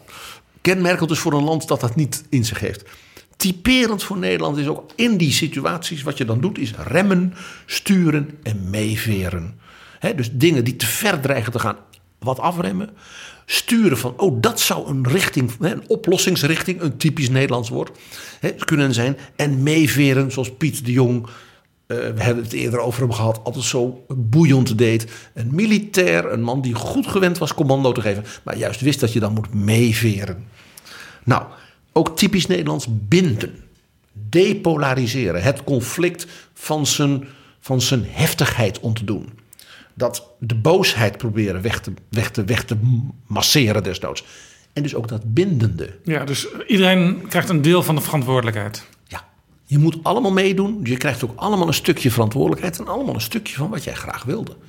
Daar zit dus ook iets heel Merkeliaans, schriet voor schriet in. Het is niet voor niks dat Rutte eigenlijk acht jaar al zo regeert als de dingen die ik noemde. Het comfort geven, zoals hij dat noemt. En zijn bewondering voor Angela Merkel en die van haar voor hem komt natuurlijk niet uit de lucht vallen. En nu, PG? Ja, na al die eeuwen, je zou denken, nou komt, komt er niet eens een eind aan die polder. Moet, het, moet er niet weer eens een Sint-Elisabethsvloed komen? Hè, zoals in de 15e eeuw, waar al, al, al, die polders eh, van de waterschappen werden ondergelopen. Nou, liever niet. Nee, liever niet. Nou, we zien nu twee grote bewegingen. Eén is toch een herstel van de polarisatie. Het anti-poldergevoel. Eh, een beetje een terugkeer ook van de jaren 70. Uh, eh, het elkaar uitvoeteren. De brief van Rutte uh, spreekt daar ook harde taal over. Dat, ja, je ziet ook dat zelfs uh, Lodewijk Asscher, die tot voor kort natuurlijk vicepremier was onder Rutte in het vorige kabinet, uh, af en toe hele polariserende acties onderneemt. Die is een beetje aan het zoeken naar wat zijn rol kan zijn nu. Ja. Nou ja, de, dat pensioenakkoord ging dus niet meteen in één keer goed. En daar werd toch door velen van gezegd dat komt doordat de SP binnen de FNV zit te stoken en te, te dingen zijn. Daar, daar, daar waren toch wel negatieve ja, geluiden over. De pensioenwoordvoerder van de FNV is zelfs een oud senator van de SP. Ja, dat zou dus met elkaar kunnen samenhangen. Je ziet het ook, jij wees al op uh, de, van acties van jonge leraren tegen de koepels. Eh, van we willen meer geld en het meer voor ons. En, en, en de, de, de leraar moet meer in zijn kracht worden gezet. Ja, zij dergelijke. herkenden zich dus niet meer blijkbaar in die vakbondsvertegenwoordiging op dat centrale niveau. En die, en die schoolbesturen met hun koepels. En de minister die dan met die besturen praat, maar niet met hen. En dan wil, willen ze ontvangen worden bij de minister. Alsof dan ineens het land eh, 10 miljard extra heeft voor onderwijs. Maar daar zit dus een anti-koepels. eh, ook een stukje versplintering als het ware van de samenwerkingen. En op de rechterzijde in Nederland. Eh, ja, ik noem dat sociaal Darwinisme. Dat is toch ja, wat hè? Darwin zei: ja, de ene soort overleeft doordat die krachtiger is en de ander sterft af. Hè, dus een beetje, nou ja, eh, eh, ik zeg maar, het recht van de sterkste. En ja, dat compromissen en samenwerken en de zwakkeren er een beetje bij halen. Ja, kom nou. Thomas Hobbes die heeft daar ook allerlei theorieën over eh, 17e eeuwse ges- geschreven. denker. Ja, maar- Het was niet voor niks, denk ik, dat het wetenschappelijk bureau, want dat bestond van de Centrumpartij destijds, was de Thomas Hobbes Stichting. Ja, dat is inderdaad, eh, dat is inderdaad een hele fijne. eh, Dat is toch iets anders dan de renaissance. Maar, maar, maar, het sociaal Darwinisme eh, uit de, de 19e eeuw... wat ook sterk raciaal werd ingekleurd... het blanke ras was superieur en moest daarom winnen... dat is een element wat je toch op de rechterzijde... eh, ook in Nederland en elders in Europa en zo wel tegenkomt. Ja, met andere woorden, wat ik straks al zei over de vraag is of de CERN nog van deze tijd is. Er zijn dus allerlei tekenen van eh, eh, neopolarisatie in Nederland. Ja, terugkeer van de jaren 70, zeg ik maar. Alleen nog de, de, de haardracht van die tijd nog niet. En, en- Ja, jaren 70 was overigens interessant. Ook wel weer misschien een, een, een verhaal wat we een keer apart moeten bespreken hoor. Maar je had natuurlijk de VVD en de Partij van de Arbeid die soort spel met elkaar opvoerden. Om maar te proberen die Christen-Democraten eh, klem te, te splitsen en te splijten en te laten verdwijnen uiteindelijk. Nederland als de Weimar-republiek, om even te verwijzen naar het gesprek van vorige week. En toch zeg ik, hè, historisch kijkend, hoe die eeuwen, hè, dat, die, dat samen die polders bouwen, zorgen dat je niet verdrinkt en aan elkaar dus letterlijk en figuurlijk vasthouden. Dat gaat gewoon door. Kijk nou eens naar de grote terreinen waar we dus nu in Nederland nieuw aan het polderen zijn. De energietransitie. Het bedrijfsleven, de vakbonden, de wetenschap, de lokale overheden, ja, de woningbouwcorporaties met oog op de huizen, die dus met elkaar proberen daaruit te komen. En waar, doen ze dat? Bij de SER. De, de klimaatakkoorden. Ja, waar dus Jesse Klaver gewoon meedoet. En dat prijst dat in hem. Maar ook Lodewijk Asscher. Allemaal proberen mee te denken. Optimaal resultaat. Ook zoiets. Optimaal resultaat. Dus niet ik moet mijn zin krijgen. Eh, hè, zoals, eh, Rutte ook zei. Ik krijg nooit helemaal mijn zin. Maar het is belangrijk dat we er wel samen uitkomen. En dus ook rond die, dat klimaat. Het hele verschijnsel de klimaattafel. Ja, zo'n nieuw vorm van polderen. Ja, genoeg te doen dus. De vergrijzing. Ja, alles wat er rondom de zorg gebeurt. Ma- Martin van Rijn begon daarmee. Dat gaat nu nog verder door met het zorgpact. Bij de opleidingen voor de mensen in de zorg, de medici, weer samenwerken. Ook met technologen voor robots om mensen langer thuis te kunnen laten blijken. Het leven lang leren, nu leven lang ontwikkelen. Het PET-project misschien wel van Mariette Hamer. Eh, ook heel erg belangrijk dat mensen langer in hun werk nieuwe dingen aan kunnen. Dat je dus in je loopbaan je ontwikkelt. Zodat het leuk blijft om ook langer door te werken. Dat je dus niet burn-outs hebt. Waar dus voor Koolmees en ook voor bijvoorbeeld de universiteiten en hogescholen dit van groot belang is. Kortom, die polder is dus springlevend. En het leuke is, dat komt voor een deel door... Haar naam viel al Mariette Hamer. De voorzitter van de SER. En dat is interessant. Die we natuurlijk vooral nog kennen als Partij van de Arbeid, fractievoorzitter in de Tweede Kamer. En ook sociale zaken deed ze. Dus nu, nu natuurlijk ook sociale zaken, onderwijs deed ze. Eh, maar ja, de SER die, die valt meestal niet zo op, omdat dat juist zo'n plek is waar partijen bij elkaar moeten worden gebracht. En dat is, is natuurlijk altijd een beetje, ja, dat moet in het half duister gebeuren, omdat het anders niet lukt. Ja, het moet vooral moet niet voortdurend eh, zeg maar po-nieuws langs lopen van nou mevrouw Hamer, hè? precies. Het interessante is, mevrouw Hamer is natuurlijk de eerste vrouw überhaupt op die post. Nederland is zeer geëmancipeerd en vooruitstrevend land, zoals we weten. Eh, ze is ook geen klassieke polderbobo. Ze komt dus niet uit VNO-NCW, MKB Nederland... eh, of uit, eh, zoals bijvoorbeeld Wijfels uit de Rabobank. Nee, want haar, haar oorsprong is het onderwijs. Zij, is, was, zij was een directrice van moedermavo's en dergelijke. Werd toen een topambtenaar op het gebied van beroepsonderwijs, ministerie van Onderwijs, Kamerlid van de Partij van de Arbeid. Deed dus hele grote, zware, ook rekenachtige portefeuille, sociale zaken en dergelijke. En onderwijs heeft altijd al haar hart gehad. En zij was een gevreesd onderhandelaar. Als je in kabinetsformaties of in akkoorden.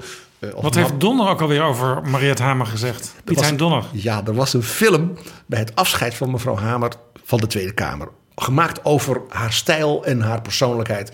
En dat was een ontzettend leuke film. Waarbij mensen die dol op haar waren, maar ook mensen die echt met haar geknokt hadden, werden gefilmd. En Piet Hein Donner had enorm met haar geknokt als minister van Sociale Zaken. Was toen dus inmiddels de onderkoning. En die heeft toen de onsterfelijke woorden gesproken. De interviewer die vroeg. Maar ze heeft toch wel de reputatie heel moeilijk te zijn in onderhandelingen. Heel lastig. En toen zei Pieter Hein Donder met die typisch gereformeerde humor. Onderhandelen met Mariette is helemaal niet zo moeilijk. Ze zijn gewoon steeds nee. Heel overzichtelijk. Ja, en, en het leuke was dat hij stond als een van de gasten bij dat afscheid naast haar. En ze, hebben, ze stonden samen te schateren van het lachen. Want zij herkende wat hij zei. En hij zei dat natuurlijk, niet- bedoelde dat helemaal niet rottig. Maar hij zei het toch wel even. En Donner waarschijnlijk in dat filmpje eh, zo kijkend over zijn leesbril heen. Helemaal in zo'n stoeltje daar in dat 18e-eeuwse paleisje van, van, van de Raad van State. Je ziet dus ook dat mevrouw Hamer door haar rol... dus hele nieuwe thema's zoals dat leven lang leren, leven lang ontwikkelen... op die agenda kan zetten. Waardoor er dus met nieuwe thema's ook weer nieuwe vormen van samenwerking kunnen ontstaan. En dat is weer bevorderlijk voor dingen waar het misschien een beetje vast zit. Nieuwe chemie dus ook. Ja, eh, heel leuk. Zij, eh, een ding wat zij altijd zegt, bijna elke speech, dat ze zegt van een van de dingen die we dus gewoon moeten gaan leren of moeten gaan doen in Nederland, is dat we snappen dat leren zoiets als eten en drinken op het werk. Als je op het werk bent, dan ja, af en toe toch een kopje koffie. En je moet toch af en toe een boterham eten. Dat geldt ook voor leren. Dat is, dat is je voeden en dat is volstrekt normaal. Dat is dus niet iets, oh dat is een uitzonderlijk iets. Dan moet ik aparte cursus en dan moet apart gedoe. Het moet geïntegreerd worden in het werken. En dat is iets wat natuurlijk met werkgevers, werknemers, universiteiten, hogescholen, mbo. Nou, daar zie je weer op zijn Nederlands bij elkaar de beste, slimste mensen bij elkaar zetten. Projecten doen, experimenten en de SER bevorderen. En ook natuurlijk omdat we niet meer 40 jaar voor één baas werken, maar af en toe van plek veranderen, eh, soms ook van, van inzicht veranderen. En bepaalde soorten werk opkomen en weer verdwijnen. En bepaalde technologieën ineens bepaalde banen volledig transformeren. Die baan bestaat nog wel, maar je doet totaal andere dingen dan tien jaar daarvoor. Podcasts, die had je tien jaar geleden ook nog niet. Ik had nooit gedacht dat ik zoiets zou doen als met jou, Jaap. Ook heel interessant, wat ik zelf een heel interessante vind, zijn zogenaamde duurzame convenanten. Dus gewoon relatief kleine overeenkomsten. Dus niet alleen maar heel groot nationaal, maar wat een kleine overeenkomst met de textielindustrie. Ook weer met slimme mensen, bijvoorbeeld uit milieutechnologie. Werkgevers, werknemers, de wetenschap, bedrijven, overheden. Van hoe je bijvoorbeeld de textiel veel duurzamer kunt maken. En bijvoorbeeld ook de kinderarbeid in Bangladesh, als daar, daarin meeweegt. Ja, waar Lilian Ploemen ook als minister mee bezig is geweest. Dat soort dingen doe je dan gewoon binnen zo'n sector. De SER doet dat soort dingen dus tegenwoordig. Ook interessant, en dan stop ik, de verjonging van de polder. Eh, een van de leukste dingen vind ik die mevrouw Hamer heeft gedaan... eh, is het introduceren van de jonge SER. Naast al die bobo's, werkgevers, werknemers, hoogleraren als eh, En wie- wie- kroonleden. Maar wie zit er daar dan in, in die jongens? Hè? Eh, wat dacht je van eh, mensen uit de studentenbeweging? De, jonge, de jonge FNV, de jonge CNV, jonge leraren. Het is natuurlijk niet helemaal toevallig dat mevrouw Hamer natuurlijk ooit als student begon als oprichter van de activistische landelijke studentenvakbond tegen minister Wim Deetman. Dat, haar hart klopt nog altijd voor actieve studenten. Dat blijkt ook weer uit de jonge SER.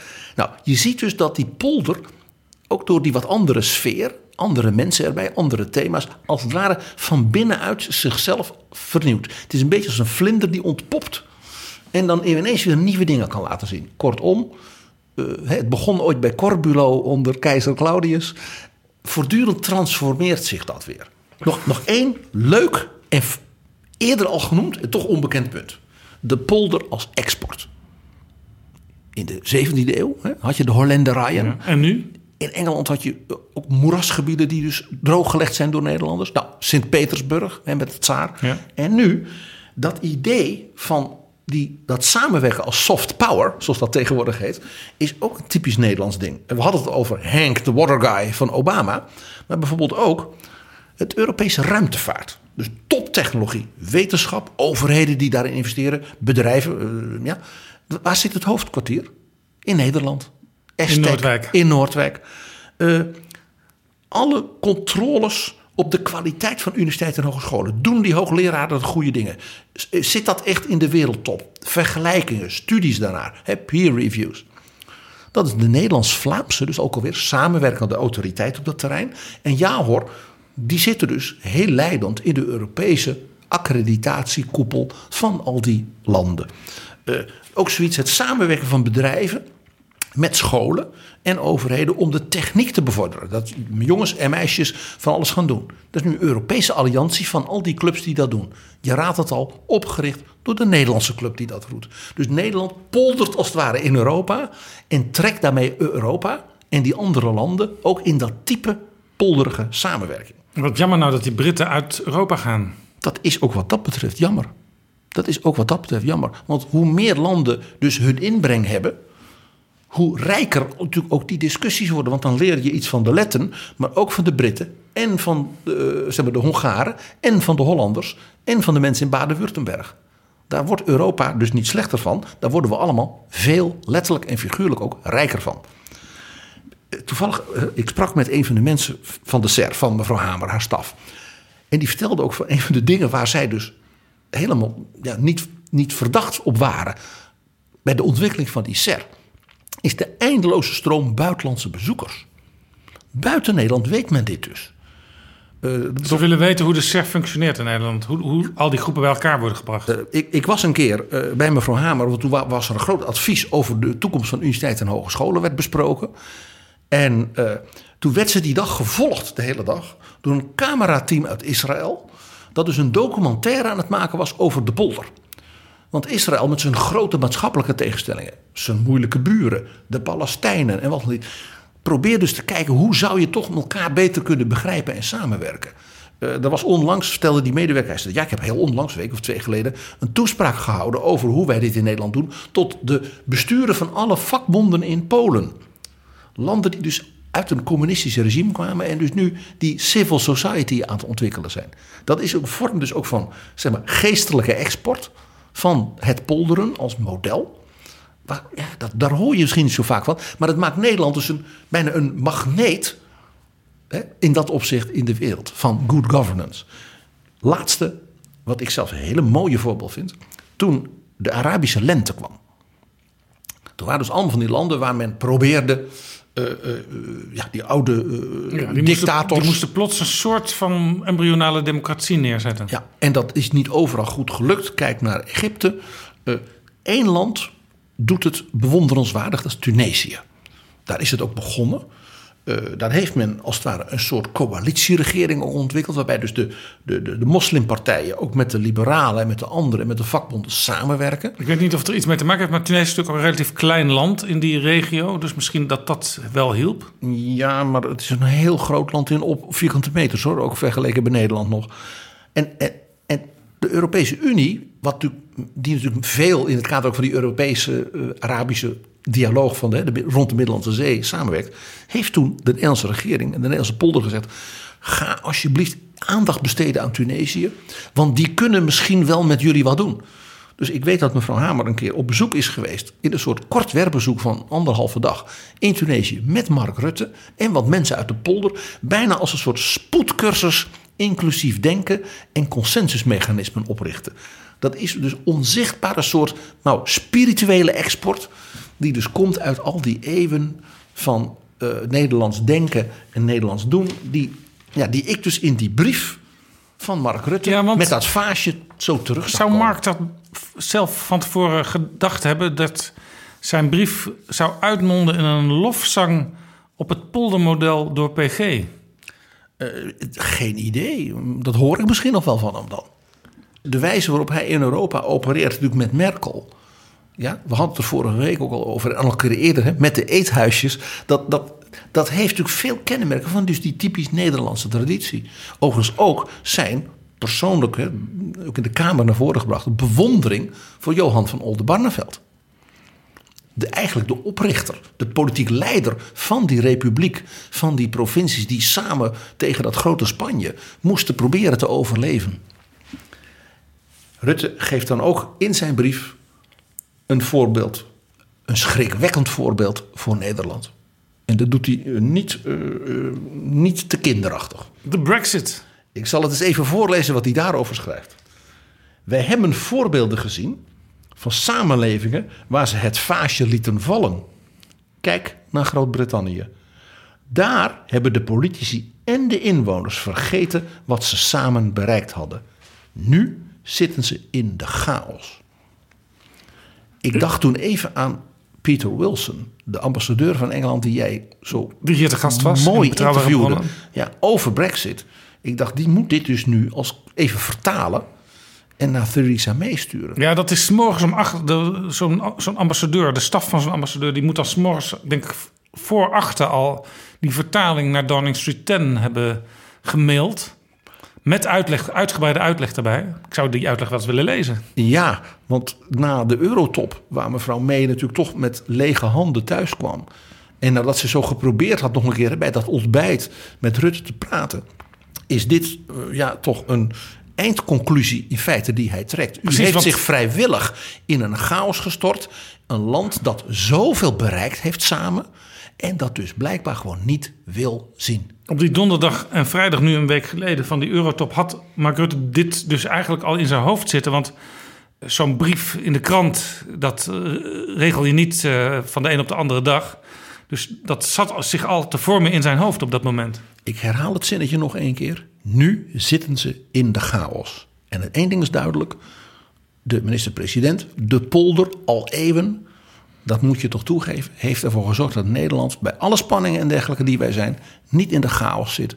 En als er een keer zo'n storm en ontij komt, een vloedgolf, dijkdoorbraken, ondanks de permanente dijkbewaking, dan gaan we rebuild by design.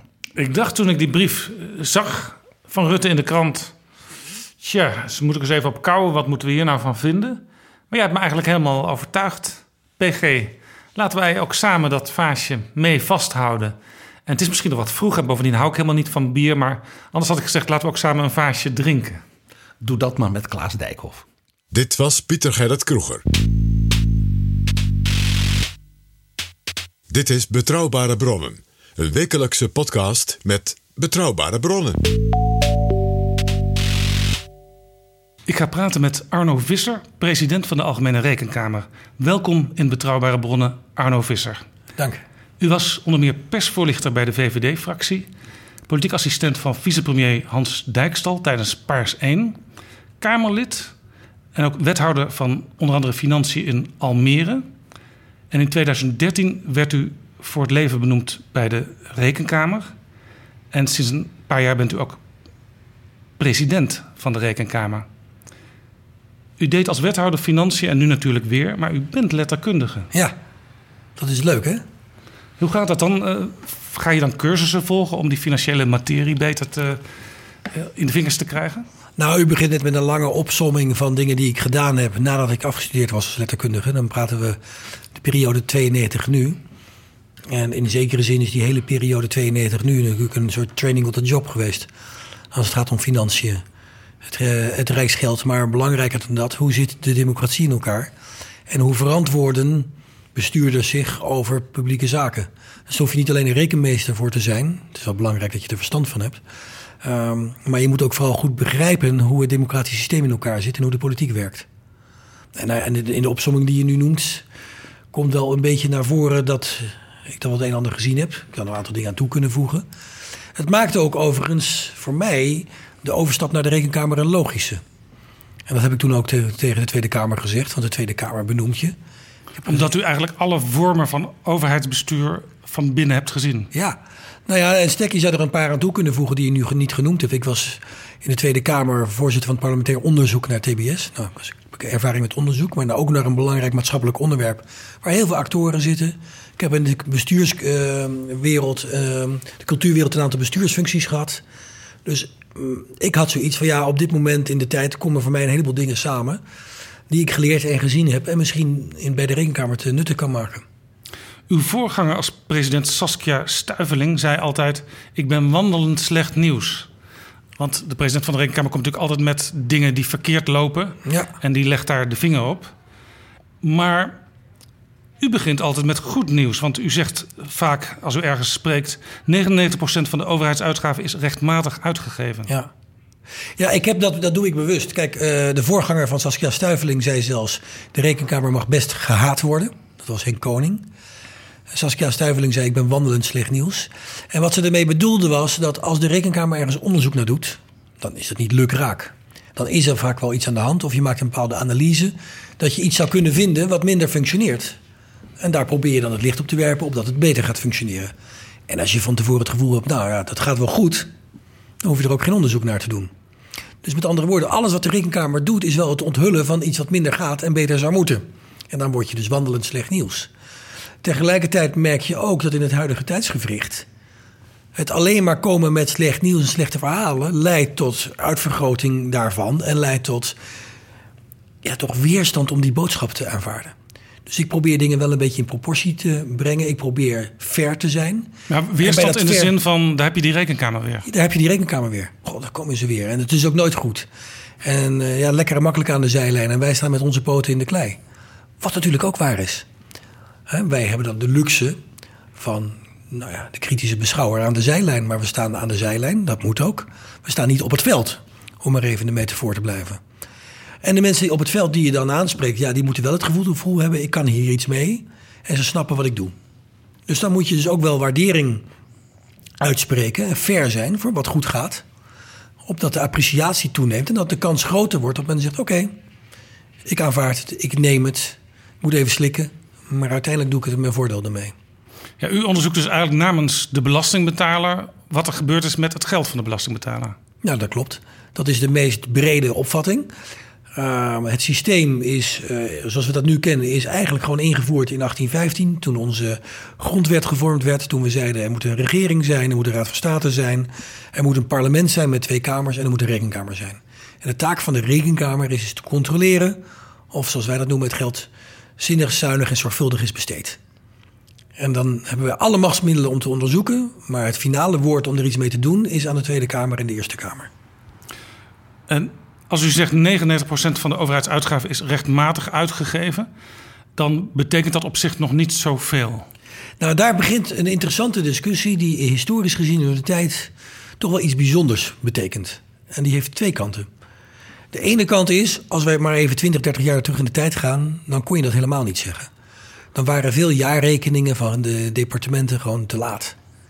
Begin jaren 90 moesten nog de jaarrekeningen van het kabinet Den L in de jaren 70 goedgekeurd worden voor sommige ministeries. Moet je je voorstellen dat het eerste Paarse kabinet nog verantwoording aflegde over jaarrekeningen van de periode Den L. Dat is absurd. Ja, dat is absurd. En dat systeem werkte ook niet meer. En die tijd hebben we gelukkig verlaten. Het is nu een heel strak regime, ieder jaar en op tijd. Mogen we ons land gelukkig om prijzen. Dus niet overal in de wereld zo.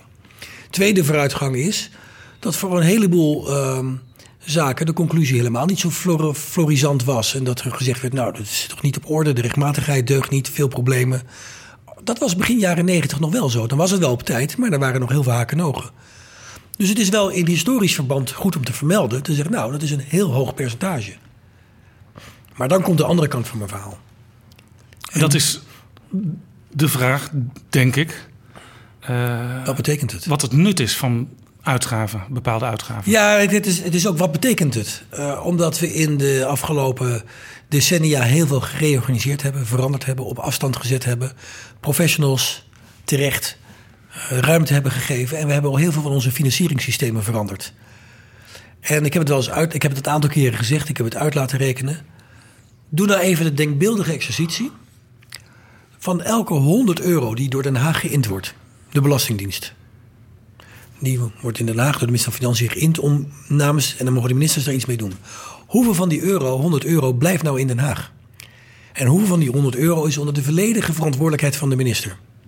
Nou, het antwoord, dan kom je op minder dan 30 procent. Want dat is in de loop van de jaren steeds minder geworden. Ja, dat is minder geworden. En wat houden we over?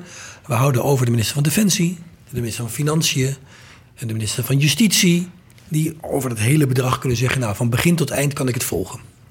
Voor een heleboel andere ministers geldt dat niet meer.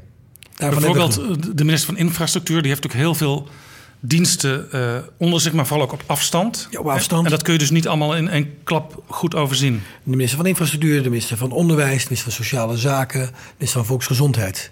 Een heleboel van het Haagse geld gaat uiteindelijk naar de bankrekening van een ander. Ik sla hem even plat. Gaat naar een andere organisatie in het publiek domein. Een gemeente, een provincie, een school, een ziekenhuis, noem maar op. En daar zit weer een andere cyclus met een andere organisatie. Dus het enige wat wij dan zeggen is: het geld heeft Den Haag verlaten. Het staat op de goede bankrekeningnummer. Het is het goede bedrag. Maar op dit moment zegt het nog niet zoveel meer. Dat zegt de rechtmatigheid. Voor Defensie zegt het veel meer. Dus het oordeel bij Defensie is omdat je het van begin tot eind kunt volgen, heeft veel meer betekenis, heeft veel meer inhoud. Ja, want ik zie dat u bijvoorbeeld ook onderzoek doet naar de aanschaf van de Joint Strike Fighter. Nou ja, dat is ook een interessant terrein op verschillende manieren.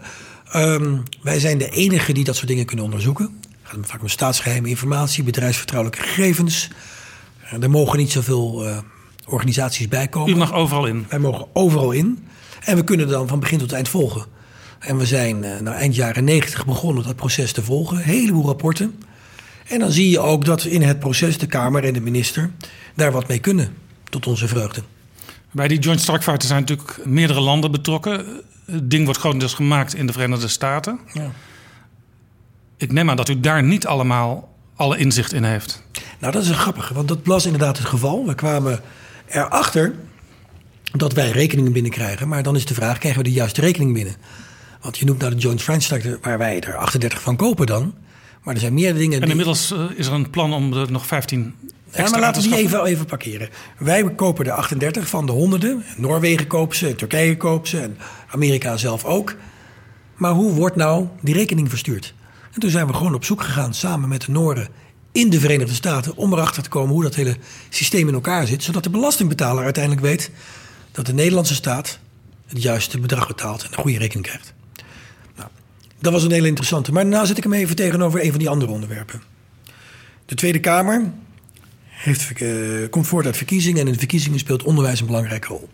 En men zegt er moet meer geïnvesteerd worden in onderwijs. En dat gebeurt ook bijna elke regeringsperiode. Er gaat meer naar onderwijs. Precies. Dus dan denken wij, nou dan willen we weten of wat daarmee gebeurt. Nou was er een aantal jaren geleden extra geld, meer dan een miljard, voor de kwaliteit van leraren. Toen hebben wij onderzoek gedaan. Nou, wat heeft het dan opgeleverd? Wat zijn we er wijzer van geworden? Wat is het onderwijs er beter van geworden? Kunnen we er wat van leren? Ja, onze conclusie was, niemand weet of van dat beschikbare geld ook nou iets gedaan was. Hoeveel geld van dat miljard aan leraren was besteed of iets anders. Wat de effecten er waren van geweest. Wat je er kon leren van. Of scholen zich met elkaar konden vergelijken. Dus het was wel regelmatig. Het geld was regelmatig naar de scholen gegaan. Die hadden het regelmatig ontvangen. Die hadden er ongetwijfeld goede dingen voor gedaan binnen het onderwijs. Maar er was niet gewaarborgd dat je er iets zinnigs over kon zeggen in termen van doelmatigheid en doeltreffendheid. Maar komt dat ook niet voort uit een, een andere trend of mode die ooit ontstaan is? Namelijk, eh, geef bijvoorbeeld scholen eh, zoveel mogelijk autonomie over wat ze doen. Ja, dat, dat is het precies. Dus ehm, je ziet het ministerie van Onderwijs met een grote mate van rechtmatigheid en weinig onvolkomenheden, problemen in de bedrijfsvoering. Dat is voor een belangrijk deel ook te danken aan het feit dat men zegt, gezegd heeft: wacht eens even, wij gaan niet meer met bonnetjes werken, we gaan niet meer met voorschriften werken. We geven die professional die autonoom is één bedrag. Dat bedrag berekenen op een simpele manier, aantal leerlingen en nog een aantal dingen. Dat bedrag krijg je, dat mag je vrij besteden. Maar men het niet gedaan heeft om te zeggen: ja, maar wacht even. De keuzes die gemaakt worden, daar moet je wel transparant in zijn. Daar moet je wel een verantwoording over afleggen. Al was het maar aan je eigen omgeving, aan je leraren, aan je raad van toezicht. En doe dat dan ook met al die duizenden scholen op een manier die een beetje vergelijkbaar is. Want dan kan school A zeggen: hé, hey, welke keuze heeft school B gemaakt? En dan kun je van elkaar leren. Maar tegelijkertijd hoor je ook wel bij mensen die met overheidsgeld omgaan. Wij komen om in het invullen van steeds maar weer eh, lijstjes, registers. Ja. Eh, en we hebben geen tijd meer voor het echte werk. Ja, dat hoor ik ook. En ehm, daar zit deels een verbazing voor me in. Want iedere school die de vrijheid heeft om keuzes te maken, maakt keuzes. Dus je moet toch zelf een beetje weten welke keuzes je maakt en waarom. Dus die lijstjes moet je zelf ook hebben. Alleen mijn punt is, als iedereen een eigen systeem heeft, dan maakt het elkaar wel erg lastig. Dus als je als bestuur een keuze maakt, nou, dan zul je daar met elkaar moeten overleggen. Die moet ergens op gebaseerd zijn. Dus je hebt altijd iets nodig waarop je je baseert.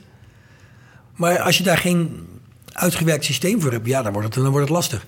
En dan krijg je het fenomeen, dan wil je het achteraf gaan controleren. En dan zijn er allerlei instanties en oude raden en dingen en werkgeversverenigingen en ministeries en misschien ook wel de rekenkamer, die ook nog eens langskomen. Dan begint de klacht, ja, we moeten heel veel lijstjes inleveren. En voor ons hoeft dat niet. Voor ons moet het gewoon simpel, maar wel van tevoren duidelijk, transparant. Vooraf kun je dan afspraken, dit denken we te gaan doen. En achteraf kan je dan zeggen, nou, we hebben het gedaan en dit heeft het opgeleverd. Is dit een oproep van u aan de beide ministers van Onderwijs om toch centraal een soort basissysteem neer te leggen waar iedereen dan vervolgens zelf uh, aan de invulling van kan werken? Ja, dat is het goed samengevat. En dan horen een heleboel mensen dat de rekenkamer zegt de minister moet gaan sturen. Nee, de minister moet een eenvoudig systeem neerleggen dat iedereen kan gebruiken en iedereen voor zichzelf te nutten kan maken. Maar waarvan ook een raad van toezicht van een onderwijsorganisatie kan zeggen: Goh, mijn bestuur zegt ik heb hele goede keuzes gemaakt. Dat geloof ik graag. Maar ik ga, ik ga graag eens vergelijking aan met een ander bestuur. Kan ook een ziekenhuis zijn, kan ook een universiteit zijn. Maak nou gewoon simpel toepasbare indicatoren, methodieken. Uh, want je zult toch iets moeten verzinnen. Maar ga niet allemaal het wiel uitvinden. En doe dat op één plek. Een vergelijkbaar voorbeeld wat ik vond in een van uw rapporten is uh, de decentralisatie van de Rijksoverheid naar de lokale overheden. Uh, daar is 11 miljard euro over geheveld. Ehm, maar in een van die rapporten las ik dat daar ook weinig vergelijkingsmogelijkheden zijn. Bijvoorbeeld, u noemde in zo'n rapport het, het begrip zwerfjongeren. Dat is niet zo gedefinieerd dat je dat tussen de ene en de andere gemeente kunt vergelijken. Nou, dat is een mooie vergelijking, want het lijkt op het vorige. Eerst even beginnen met die 11 miljard. Um, dat is een bedrag waarvan heel veel mensen zich niet kunnen voorstellen hoeveel dat is. Ter verduidelijking, dat is ongeveer de omzet van DSM groot Nederlands bedrijf. Dat is de hele omzet van de horeca in Nederland. Alle restaurants, cafés, et cetera. Dus de een op de andere dag verplaatst van, van Rijk en provincies naar de gemeente. Die moesten dat in één dag allemaal verwerken. Ga er maar aan staan. Dan is de volgende vraag: oké, maar als ze dat dan gaan doen, als ze dat budget hebben van die 11 miljard, verdeeld over bijna 400 gemeenten, hoe weet ze dan dat je er wijzer van wordt? Hoe weet je dan dat je de goede keuzes maakt? Vooraf en achteraf. En ook hier speelde, ja, het geld was overgeheveld. Maar daar was niet de regie op die afspraken. En je zag meteen na de invoering een probleem ontstaan dat hieruit voortkwam. Dat waren de PGB's bij de Sociale Verzekeringsbank. Waar een tijdje geweest is in de Tweede Kamer dat er elke twee weken wel een debat over was. Nou, wat was daar nou aan de hand? De gemeente had de verantwoordelijkheid gekregen om keuzes te maken, om voorzieningen te hebben. En de uitkering van het geld was belegd bij de Sociale Verzekeringsbank. En als de gemeente dat zijn aan de voorwaarden is voldaan, dan kon de Sociale Verzekeringsbank dat controleren en het geld overmaken aan degene die zorg verleend had. Alleen men had verzuimd af te spreken hoe je die informatie verstrekt. Met 400 gemeenten, die het ieder op hun eigen manier deden, kwam de Sociale Verzekeringsbank in geweldige problemen. En die kon dat dus niet meer. En kon dat niet meer controleren. Wat ze wel moesten doen, want je moet wel zorgen dat mensen die zeggen: Ik heb iets gedaan, het ook echt gedaan hebben. En het systeem liep binnen twee, drie maanden spaak. Alle controles zijn gestopt. Want uiteindelijk was het dan belangrijk dat de goede niet gingen leiden onder de kwade. Dus al het geld is overgemaakt naar al die mensen zonder controle. Het heeft nog bijna twee jaar geduurd om dat te corrigeren. Ja, dit klinkt heel stupide eigenlijk, maar komt het ook niet gewoon voort uit het idee vanuit het Rijk: oké, dan gaan we decentraliseren en dan gaan we dus iedereen uh, de ruimte geven om het zelf in te vullen. Wat op zich een, een nobele gedachte is. Ja, het komt dat, dat, daaruit het komt het voort. Plus haast. Want deze wetten, er waren drie grote wetten, zijn in november en december nog pas door de Eerste Kamer gegaan. En er zijn nog een paar belangrijke wijzigingen geweest. En er is dus ook niet proef gedraaid. Er zijn geen tests geweest. Dus men moest dat opeens uit gaan voeren. Men wist pas echt in december zeker of het doorging. Ja, en toen had je ook kunnen zeggen: vanuit de Eerste Kamer, vanuit de regering, ja, wacht eens even, dit is al te mal. Zullen we het even uitstellen? En dan krijg je de, zeg maar, de politieke logica.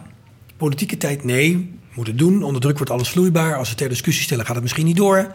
Laten we nou maar even doorzitten. Maar het gaat wel over 11 miljard. En ik zei net, de hele Nederlandse horeca. Ja. Nou is horeca misschien niet een heel mooi nou ja, vergelijkingsmiddel. Want nou ja, maar om te maken, horeca blijft nogal veel aan de strijkstok hangen. Nee, maar het gaat om de ingewikkeldheid. Om, om aan te geven hoe groot de verantwoordelijkheid en het bedrag is waarover je spreekt. Dat moet je als gemeente maar in één dag over kunnen nemen. En dat moet je ook in één dag dan overdragen. Het was een hele korte voorbereidingstijd. En wij zijn toen ook, omdat dit meerdere keren speelde op meerdere terreinen, gekomen tot de algemene aanbeveling aan Politiek Den Haag: neem tijd voor uitvoering. Dit soort grote uitvoeringsvraagstukken vragen betere doordenking hoe het in elkaar zit, vragen betere voorbereiding en tests en vragen ook tijd om daarna uitgevoerd te krijgen. Want je kunt niet verwachten dat in twee dagen tijd dat allemaal lekker loopt. Tijd voor uitvoering kwam daaruit voort. Nog even over die, die decentralisatie. Dat is dus een enorm bedrag. Alle cafés in Nederland zou je kunnen En zeggen. restaurants 11 en dingen, noem maar op. Of heel DSM, maakt niet uit. Ja. Ja. Ehm, dat gaat dus over geld dat ergens landelijk ligt. En dat moet dan naar die, naar die lokale gemeenschappen. Ja. Ehm, zou dit niet pleiten voor eh, belastingheffing toch ook meer op lokaal niveau? Omdat je dan ook de politieke controle dichter bij het geld neerzet. Nou, dat is een van de dingen die in andere Europese landen wel is gebeurd. Dus dat er gedecentraliseerd wordt is een bredere trend. Eh, dat is niet een typisch Nederlands fenomeen. Dat zie je in andere landen ook.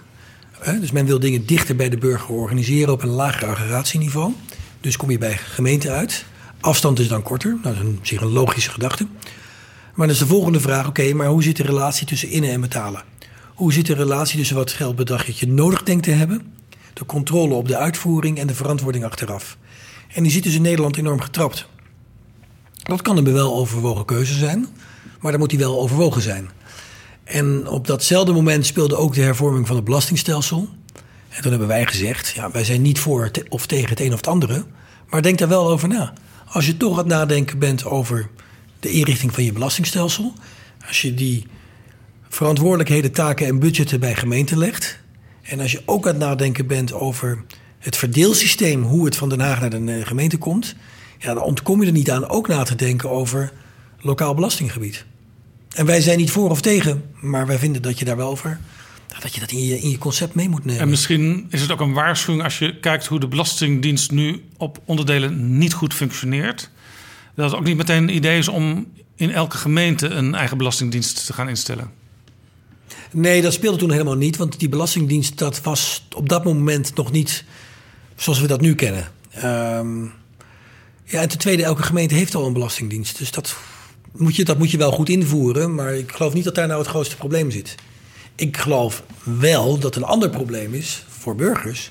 is dat ze maar één financiële relatie hebben met hun gemeente. Dat is de onroerend zaakbelasting.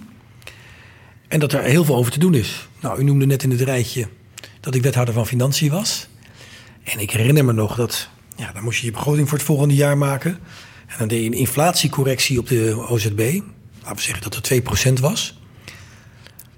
En dan kwam er hetzelfde bedrag binnen.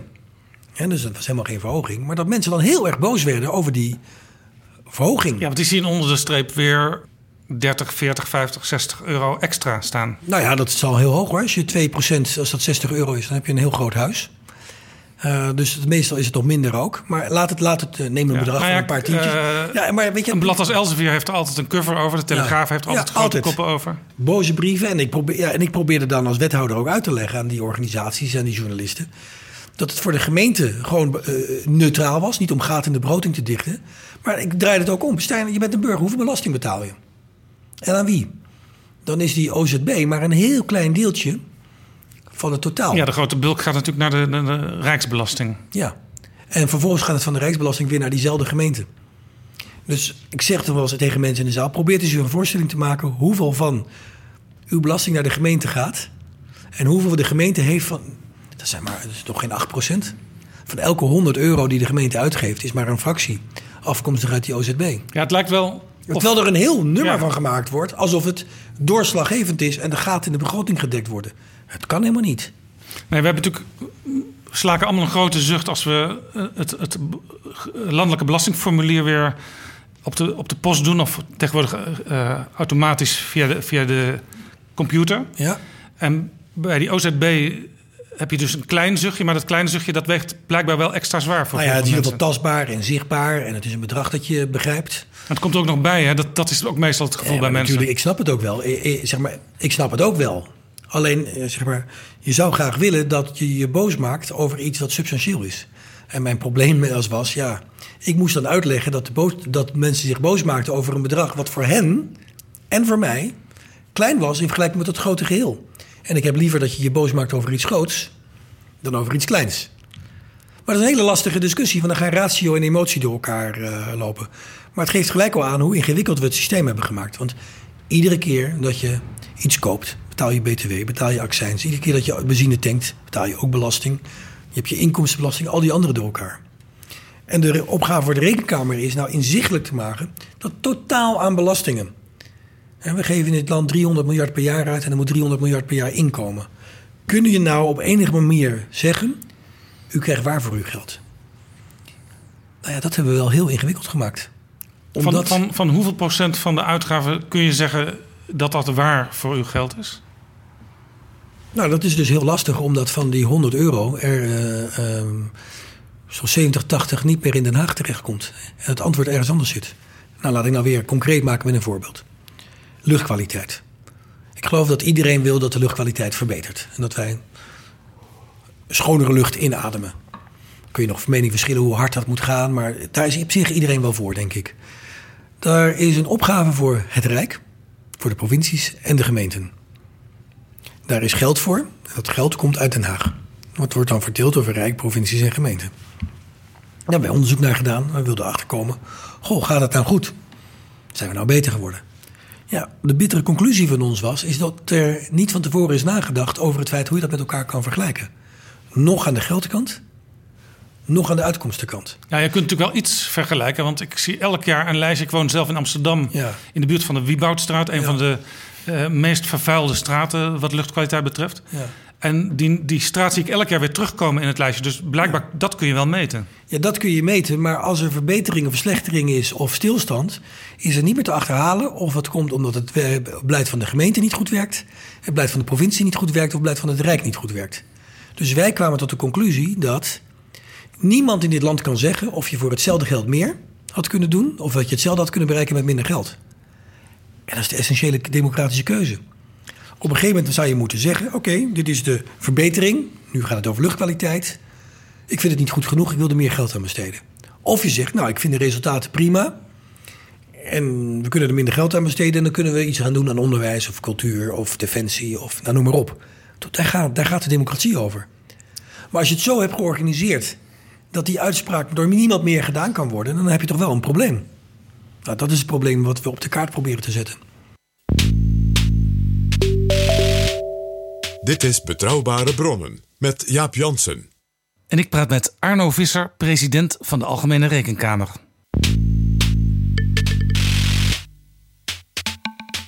Het is ook een beetje zo, hoe meer u als rekenkamer onderzoekt, want u moet natuurlijk prioriteiten stellen. U, u- u- u kiest af en toe bepaalde beleidsgebieden uit. Eh, Hoe meer u onderzoekt, eh, hoe- dieper eigenlijk de zucht. Want heel veel dingen zijn natuurlijk niet goed te meten.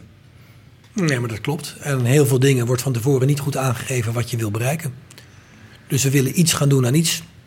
Oké, vertel maar. Wat wil je gaan doen? Hoeveel geld? Wat denk je dat er een resultaat bereikt moet worden en wanneer?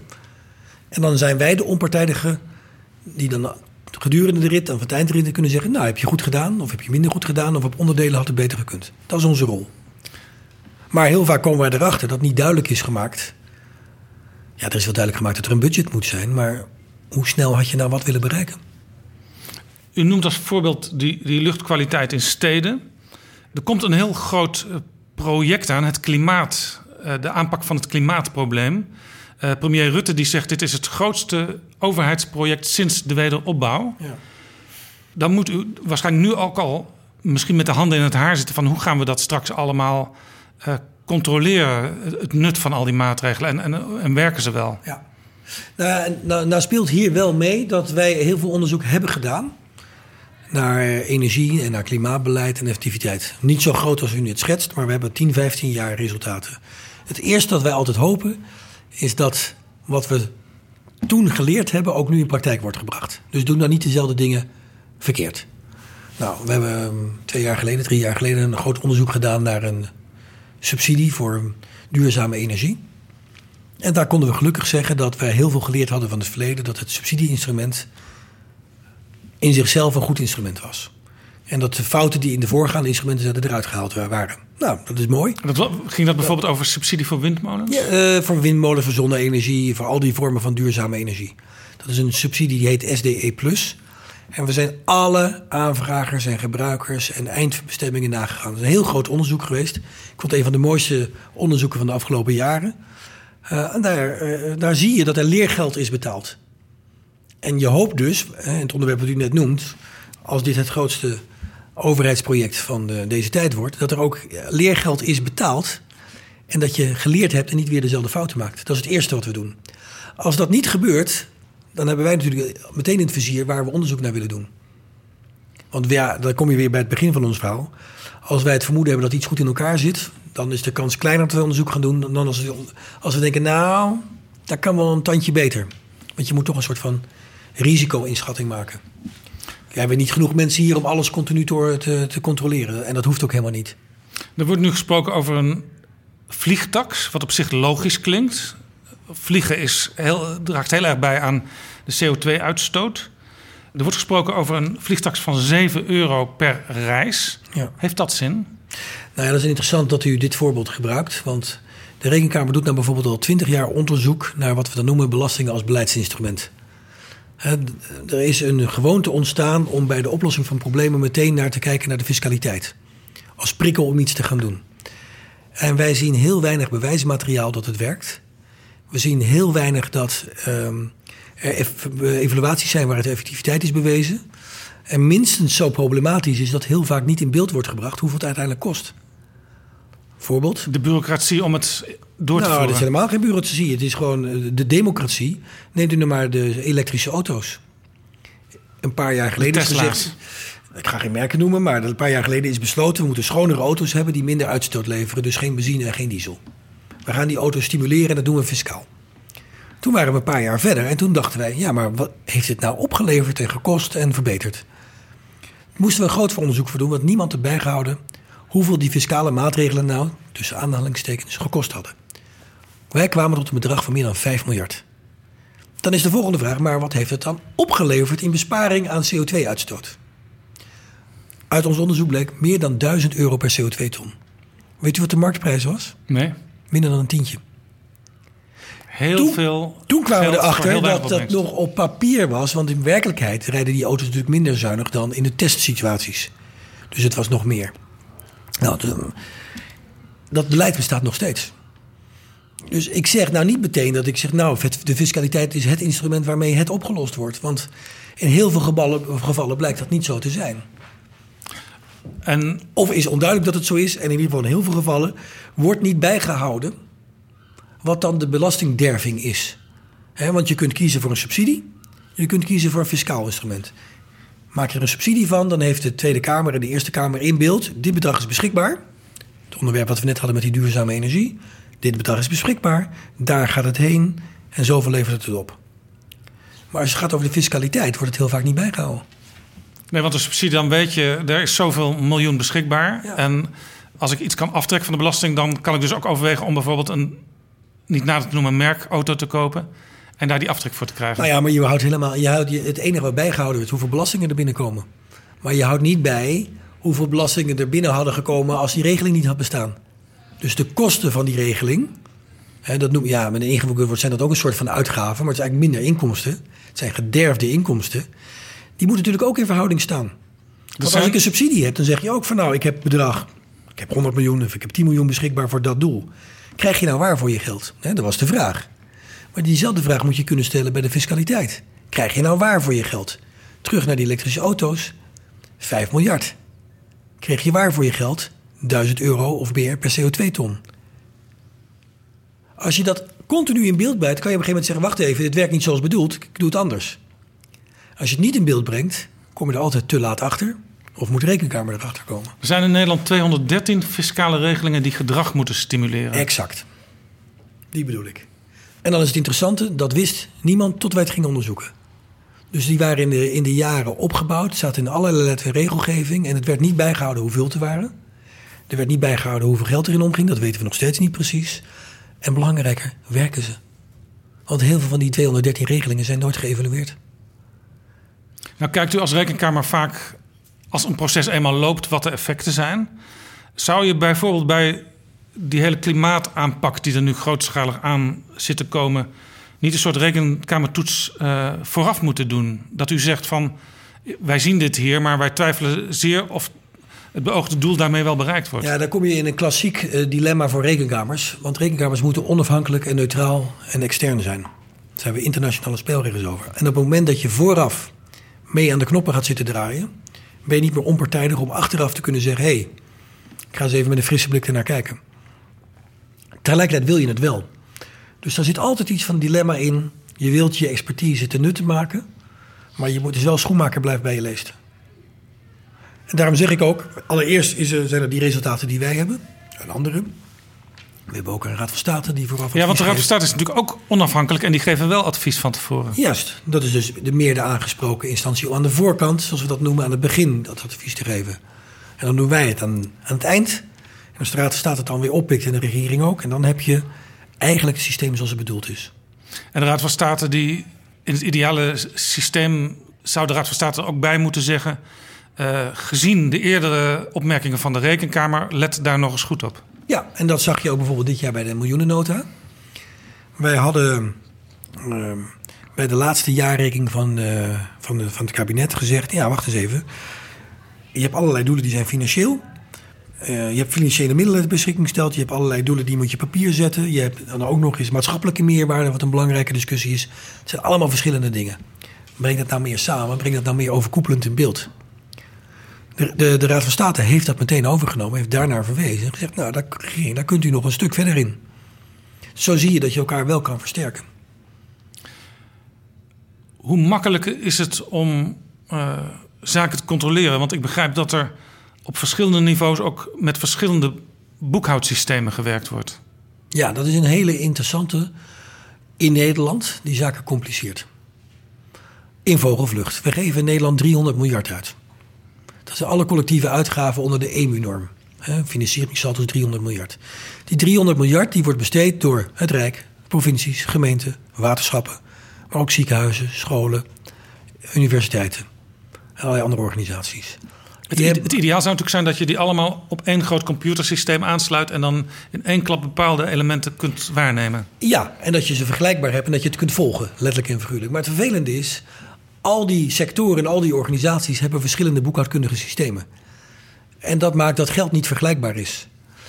Uh, en, nog, uh, en dan heb je nog een, zeg maar een hoofdgroep, die heet batenlastenstelsel. Dat doet bedrijfsleven ook, dat doen scholen. Heb je voorzieningen in beeld, heb je reserves, heb je liquiditeitenoverzicht, uh, noem maar op. En dan heb je Den Haag. En dat is een kasverplichtingenstelsel. Dat is een systeem dat alleen nog maar in Nederland en Duitsland op rijksniveau bestaat. Nou, dat systeem dat geeft interessante informatie, maar er is veel meer relevante informatie die wordt niet in beeld gebracht. Dus eigenlijk loopt het Rijk hier heel erg achter op de rest van de samenleving. Ja. Dus wat het Rijk en de wetgever voorschrijft dat gemeentes moeten doen, wat provincies moeten doen, wat scholen moeten doen, wat bedrijven moeten doen, dat doen ze zelf niet. Dat is wel heel raar. Ja, vind ik ook. Dus dat hebben wij ook een aantal keren aangekondigd. Sterker nog, in 2001 heeft het kabinet gezegd: en nu gaan we dat anders doen en nu doen we dat nooit meer. Het gaan we veranderen. Het is alleen nooit gebeurd. 2001 is 17 jaar geleden inmiddels. 17 jaar geleden. En in die 17 jaar zie je dat in de rest van Europa en in de rest van de wereld iedereen dat wel aan het doen is. En wel een, laten we, zien, maar, laten we maar even noemen, een financieel systeem, een beter dashboard met meer informatie voor het parlement. En ik heb zelf het verschil meegemaakt, omdat ik in de Tweede Kamer heb gezeten en in een gemeente heb gewerkt. Het geeft echt veel meer relevante informatie. Alleen, ja, uh, wij kunnen aanbevelen, anderen kunnen aanbevelen. Het, is wel, het zijn wel de Tweede en Eerste Kamer en het kabinet die moeten besluiten. Er liggen een aantal adviezen, er komen weer adviezen. Maar we lopen achter de troepen aan in Europa. Het gekke is dat Nederland ooit in de geschiedenis het modernste boekhoudsysteem ter wereld had. Nou, het is heel grappig dat u dat noemt. Want ik was een twee, drie jaar geleden in Oostenrijk. En we hadden het hierover. En toen zei een Oostenrijker tegen mij: Ik snap er niks van. Dat jullie dat niet doen. En ik zei, maar waarom snap je niet dat wij het niet doen? Hij zegt, nou, jullie waren des vaderlands. jullie, de, de Oranje Nassau's in de Gouden Eeuw, die hebben de modernste boekhoudtechnieken in Nederland geïntroduceerd, toegepast. En een deel van jullie Gouden Eeuw, een deel van jullie rijkdom is direct herleidbaar tot het goed toepassen en goed nadenken over geld. Want dan ga je zakelijke beslissingen nemen. En, dat- uitgerekend jullie, die de voorlopers waren in Europa 400 jaar geleden, zijn nu de achterlopers in Europa. Hoe kan dat? En dat boekhoudsysteem dat kwam ook voort uit eh, wantrouwen bij eh, mensen die zich afvroegen... eh, Gebeurt er, gebeuren er wel goede dingen met mijn geld daar aan de top? Uiteindelijk gaat, draait alles om informatie. Als ik met jou zaken doe, als ik jouw geld beschikbaar stel, als ik aandeelhouder ben, dan wil ik zien dat je goede dingen doet en of mijn geld safe belegd is. Als ik belastingbetaler ben, dan wil ik zien dat een overheid goede beslissingen neemt, dat hij transparant is over wat hij doet, dat hij zijn vermogen niet verkwist, dat hij het goed gebruikt. En dan wil ik een transparant systeem dat ik begrijp waar dat in beeld is gebracht. Maar we hebben in Nederland allemaal verschillende systemen die niet op elkaar aansluiten. En we hebben op rijksniveau een systeem dat maar heel beperkt inzicht biedt. Er is bijvoorbeeld geen balans. Het Rijk is de grootste vastgoedbezitter van Nederland. Veel groter dan al die vastgoedfondsen. Maar hebben wij een balans waarop zichtbaar is wat al die gebouwen waard zijn? We hebben in Nederland afgelopen jaar tientallen gebouwen verkocht. Maar wat we daarmee in publiek kapitaal kwijt zijn geraakt, was niet in beeld. Nou ja, we hebben daar onderzoek naar moeten doen en dat was, daar werd je niet zo vrolijk van. Ja, want ik las in een recent rapport van de Rekenkamer... eh, er zijn recent 83 rijksgebouwen verkocht... eh, voor 259 miljoen euro. Ja. Het kabinet zegt, daar hebben we 102 miljoen mee verdiend... maar u heeft uitgevogeld dat het uiteindelijk maar 2 miljoen was. Ja. En nou kom je op de interessante discussie. En ik moet even opletten dat we nou niet een boekhoudkundige discussie hebben. Maar dit zou in een familie, in een bedrijf, et cetera, nooit ge- gebeurd zijn. Op deze manier. Want je moet je gebouwen waarderen naar wat ze waard zijn. En niet waarvoor je ze oorspronkelijk hebt gebouwd en waarvoor ze later afgeschreven zijn. En hier is dus gespeeld met afschrijvingen. En hier is opbrengst. Hè, wat heb je ervoor gekregen? Door de waar met winst. Dus de Tweede Kamer dacht: oh, wacht eens even, hier hebben we aan verdiend. Maar je kunt er heel, wel, heel veel aan verloren zijn. En dat blijkt ook in individuele casussen. Gebouwen moesten verkocht worden. Je hebt midden in de vastgoedcrisis, op het dieptepunt in de markt, die, eh, die gebouwen, die tientallen gebouwen verkocht. Je wist niet wat de boekwaarde was. Je wist niet goed wat de marktwaarde was. Je hebt besluiten genomen voordat je daar goed over nagedacht had. En het eindresultaat is dat je die gebouwen niet meer hebt. Dat je het publiek vermogen ook niet meer bezit. En de Tweede Kamer heeft het niet kunnen volgen. En dan komen we weer bij waar- waarom is nou zo'n boekhoudkundig systeem van belang? Dan had je kunnen volgen dat dit gebeurde. Dan had je kunnen zeggen: Ik ben het ermee eens, ik neem het risico. Of je had kunnen zeggen: Oh, dit gaat me te ver. Ik maak een andere afweging. En zo'n modern boekhoudsysteem kijkt ook veel meer naar de werkelijke waarde. En dan kun je dus ook zien van dit is een verstandige deal als ik het voor dit bedrag kan verkopen. Exact. En in ieder geval begint het, eh, dan wordt de waarde in beeld gebracht. Dus dan heb je een balans waarop dat staat. Dan zeg je, oké, er zijn zoveel gebouwen en die zijn dit waard. Dan kunnen wij dat controleren en zeggen, nou, dat is het inderdaad het geval. En weet u het gek is? Dat gebeurt bij een provincie en een gemeente wel. Dit gebeurt bij een ziekenhuis, dit gebeurt bij een bedrijf, dit gebeurt overal, behalve in Den Haag. Ik kan dit bijna niet geloven, want ik zie altijd de minister van Financiën voor me, op dit moment Wopke Hoekstra, als een van de strengste ehm, ministers die er zijn, die altijd tegen iedereen zegt: let goed op, ik moet alles goed kunnen verantwoorden. Ja. En blijkbaar op Oh ja, nee. rijksniveau deugt het systeem niet. Nou ja, deugt het systeem niet. Het is een incompleet systeem. De informatie in zichzelf deugt wel.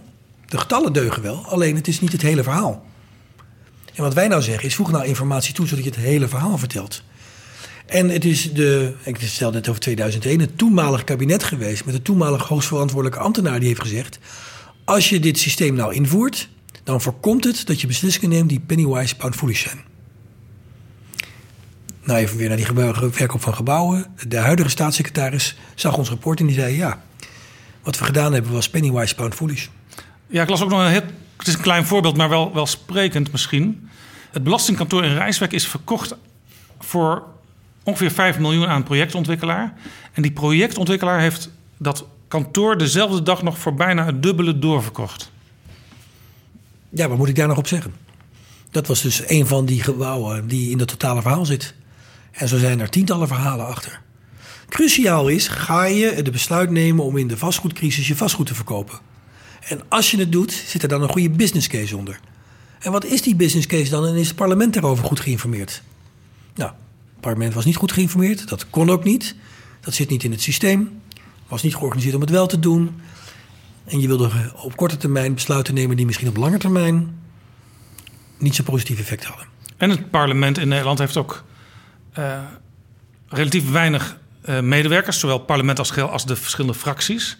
Dus die moeten gewoon kunnen afgaan op wat een regering aan informatie levert.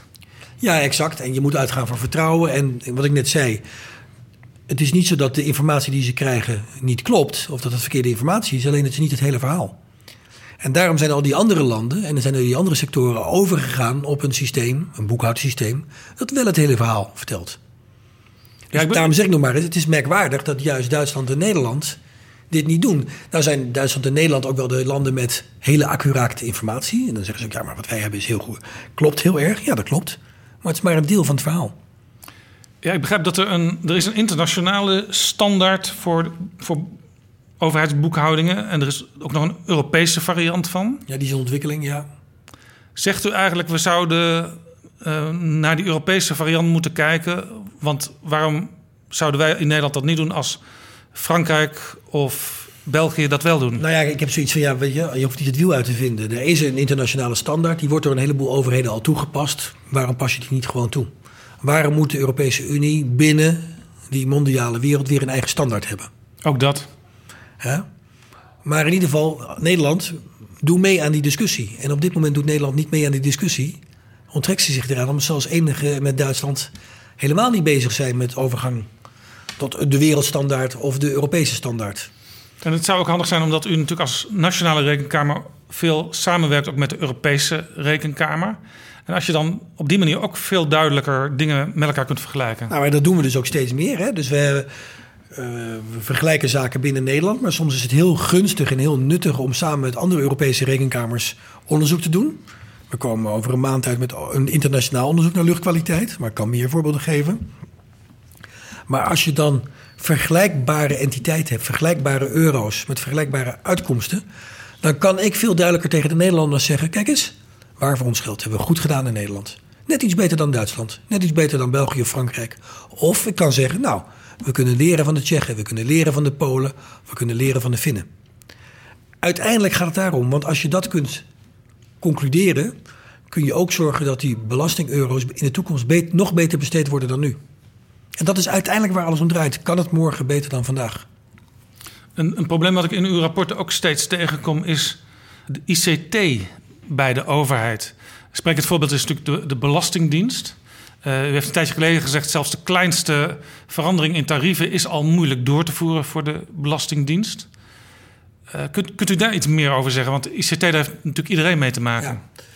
Nou, ICT is ook zo'n terugkerend onderwerp waarvan we besloten hebben, het is nu zo groot en zoveel komend, dan moeten we permanent gaan bijhouden. Tegelijkertijd is het containerbegrip, het is heel veel. Hè? Um, soms is het automatisering, soms is het efficiënter werken, soms is het op een slimme manier heel anders je beleid maken. In ieder geval hebben we een aantal keren al geconstateerd dat die hele grote systemen die ingevoerd werden, soms al tien jaar geleden, dat daar heel veel aan haperde, heel veel aan schorten. En ook hier veel te weinig tijd was genomen om het goed in te voeren en dat de verwachtingen veel te hoog waren. Dus hè, alsof je een auto bestelt die te veel kon, maar tegelijkertijd had die auto geen stuur. Maar je ging wel de weg op.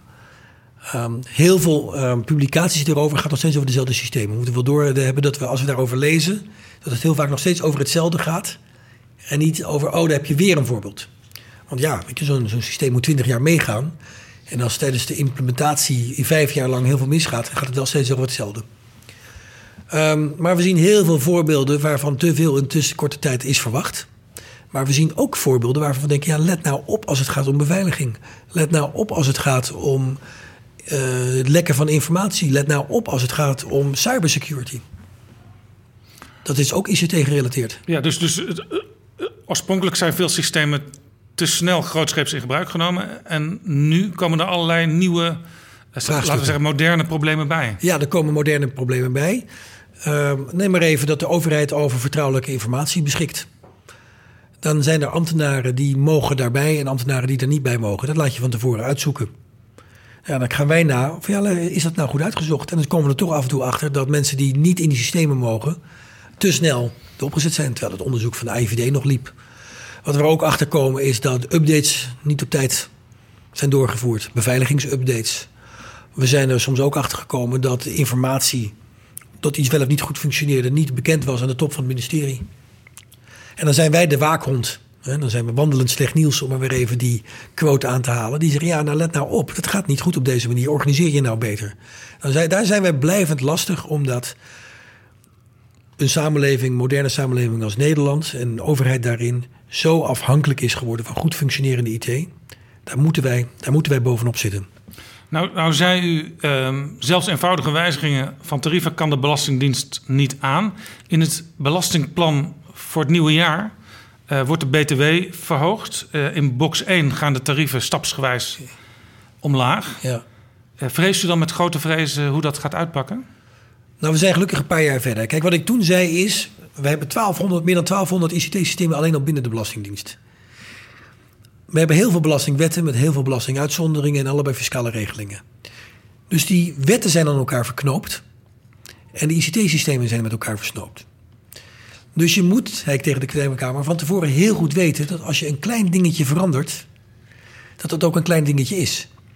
Want als een klein dingetje in wet A een doorwerking heeft naar wet B en verknoopt zit met systeem C, ja, dan moet je het misschien niet doen. Dus voordat je iets voorstelt, voordat je iets wijzigt, overleg heel goed met de staatssecretaris of het ook kan. Geef de Belastingdienst tijd om zich voor te bereiden. Want zo'n belastingplan wordt besproken in november, december en 1 januari moet uitgevoerd worden. Gaan we weer. Hele korte voorbereidingstijd. Dus denk niet dat iets kleins ook werkelijk iets kleins is. Omdat het klein lijkt. Nou, nu, uh, nu de staatssecretaris dat drommels goed. En die maakt een nieuwe belastingplan. En uh, we weten inmiddels dat er veel beter gecheckt wordt. Dat de voorstellen die er gemaakt worden, uh, ook wat dat betreft wel doordacht zijn want deze problemen spelen al vier, vijf jaar. Iedereen wist dat ze niet in twee jaar waren opgelost. En men is wel heel voorzichtig tegenwoordig. De problemen zijn overigens nog lang niet opgelost. Die Belastingdienst die staat voor een grote taak. U noemt uh, informatiebeveiliging als, als een nieuw ding waar heel erg scherp naar gekeken moet worden. Kunt u daar iets meer over vertellen? Ja, dat was, dat was nou zo'n onderwerp dat ICT gerelateerd is. En waarvan je zegt dat raakt niet louter de uitvoering of de mensen die op de werkvloer doen. Dit is chefzaggen. Heb ik ook letterlijk zo gezegd in de Tweede Kamer. Ik zei net al, um, het is niet meer, het is niet meer, ICT is niet meer weg te denken uit de samenleving. En de veiligheid en de beveiliging van onze informatie is in overheidshanden. Daar moet je bovenop zitten. En daar hebben we afspraken over gemaakt. Een van die afspraken is dat de hoogste ambtenaar, de SG, op de hoogte moet zijn over alles wat speelt. Dat heet een in-control verklaring. En dat ook ministers zich moeten van gewissen of het goed georganiseerd is.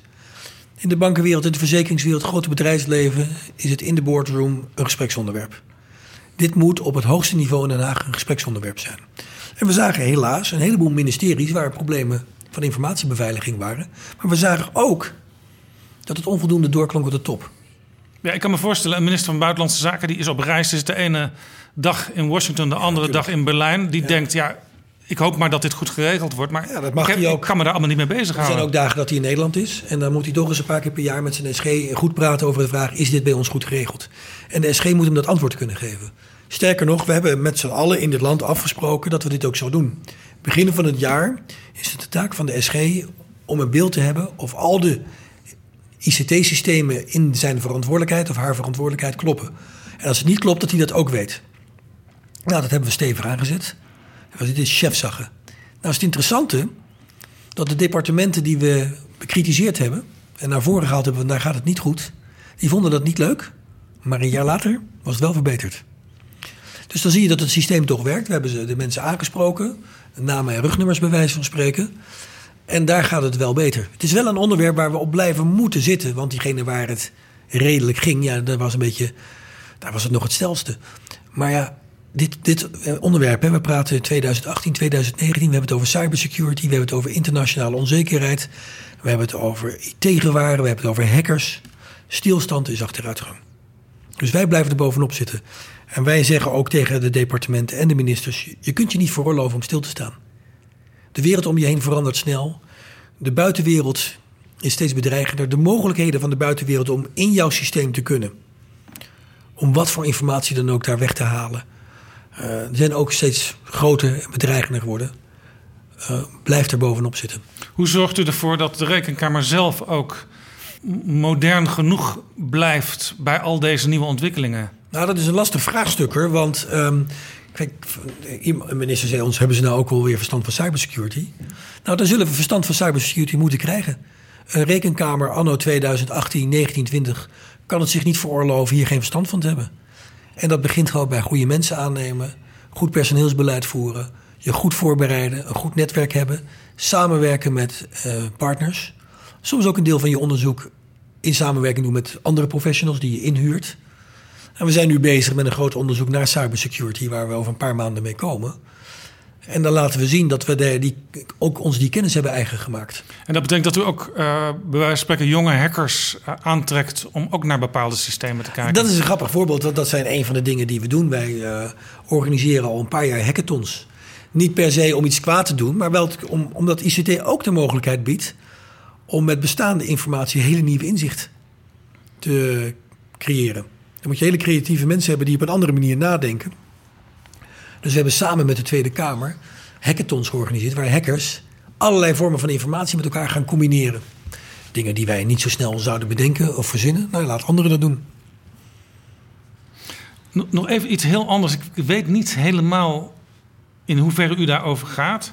Maar we hebben natuurlijk de, de financiële crisis uh, gehad. Uh, heel veel kritiek, heel veel problemen uh, op, op het bankwezen. Heeft u het idee dat het bankentoezicht nu voldoende is? Ja, daar hebben we groot onderzoek naar gedaan. Sterker nog, dit is ook weer zo'n voorbeeld van onderzoek dat we samen met andere rekenkamers hebben gedaan.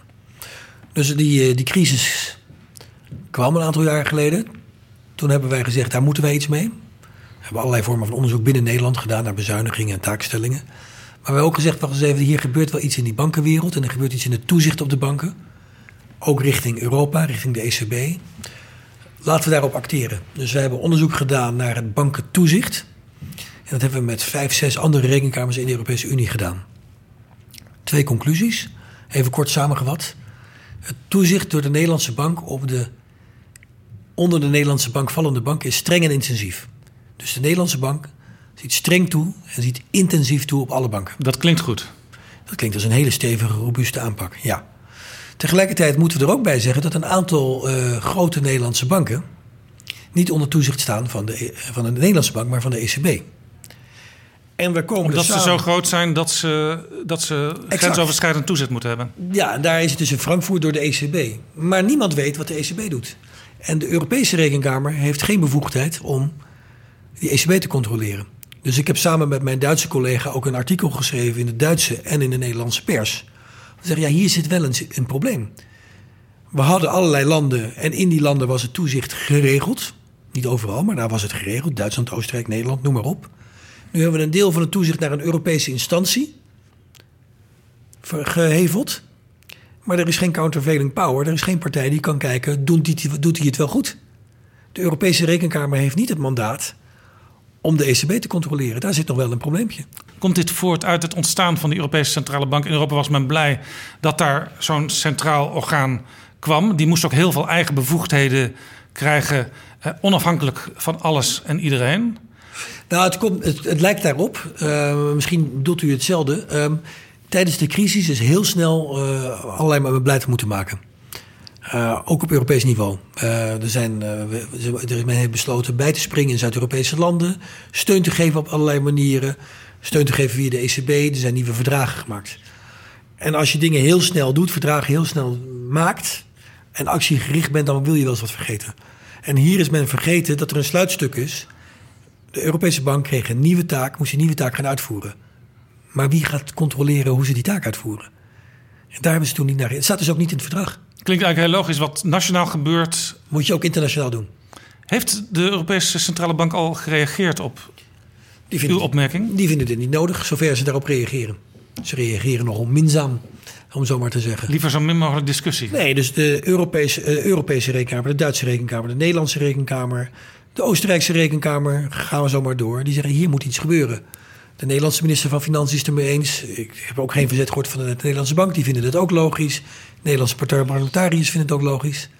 Nou moet er nog wel iets gebeuren in dat gremium in Brussel voor de Europese Unie om het mogelijk te maken. En dat is waar we nog steeds op wachten.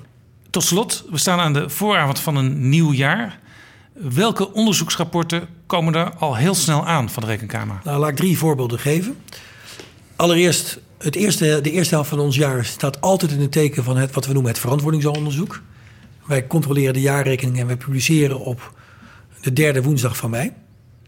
En de, de is komende woensdag maand-? Woensdag gehaktdag. Dus dat is altijd waar we dan de maanden februari tot april ongelooflijk druk mee zijn. Daarnaast nog twee. Heel interessant vind ik zelf een eh, gezamenlijk internationaal onderzoek naar luchtkwaliteit. In Europa, niet de Europese Unie, in Europa. Heel veel landen die samen hebben gewerkt aan dit onderwerp. En zich dan onderling kunnen vergelijken. Dus in Europa ook over de grenzen van de EU heen? Ja, over de grens van de EU heen. Eh, en het derde onderzoek dat ik wilde noemen is cybersecurity.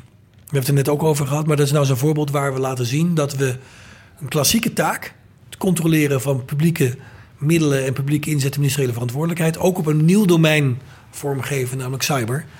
Eh, en dat vind, ik, dat vind ik ook wel weer een spannende om te noemen. Arno Visser, mag ik u heel veel succes wensen met uw belangrijke werk. En mag ik u hartelijk danken voor dit interessante gesprek. Graag gedaan.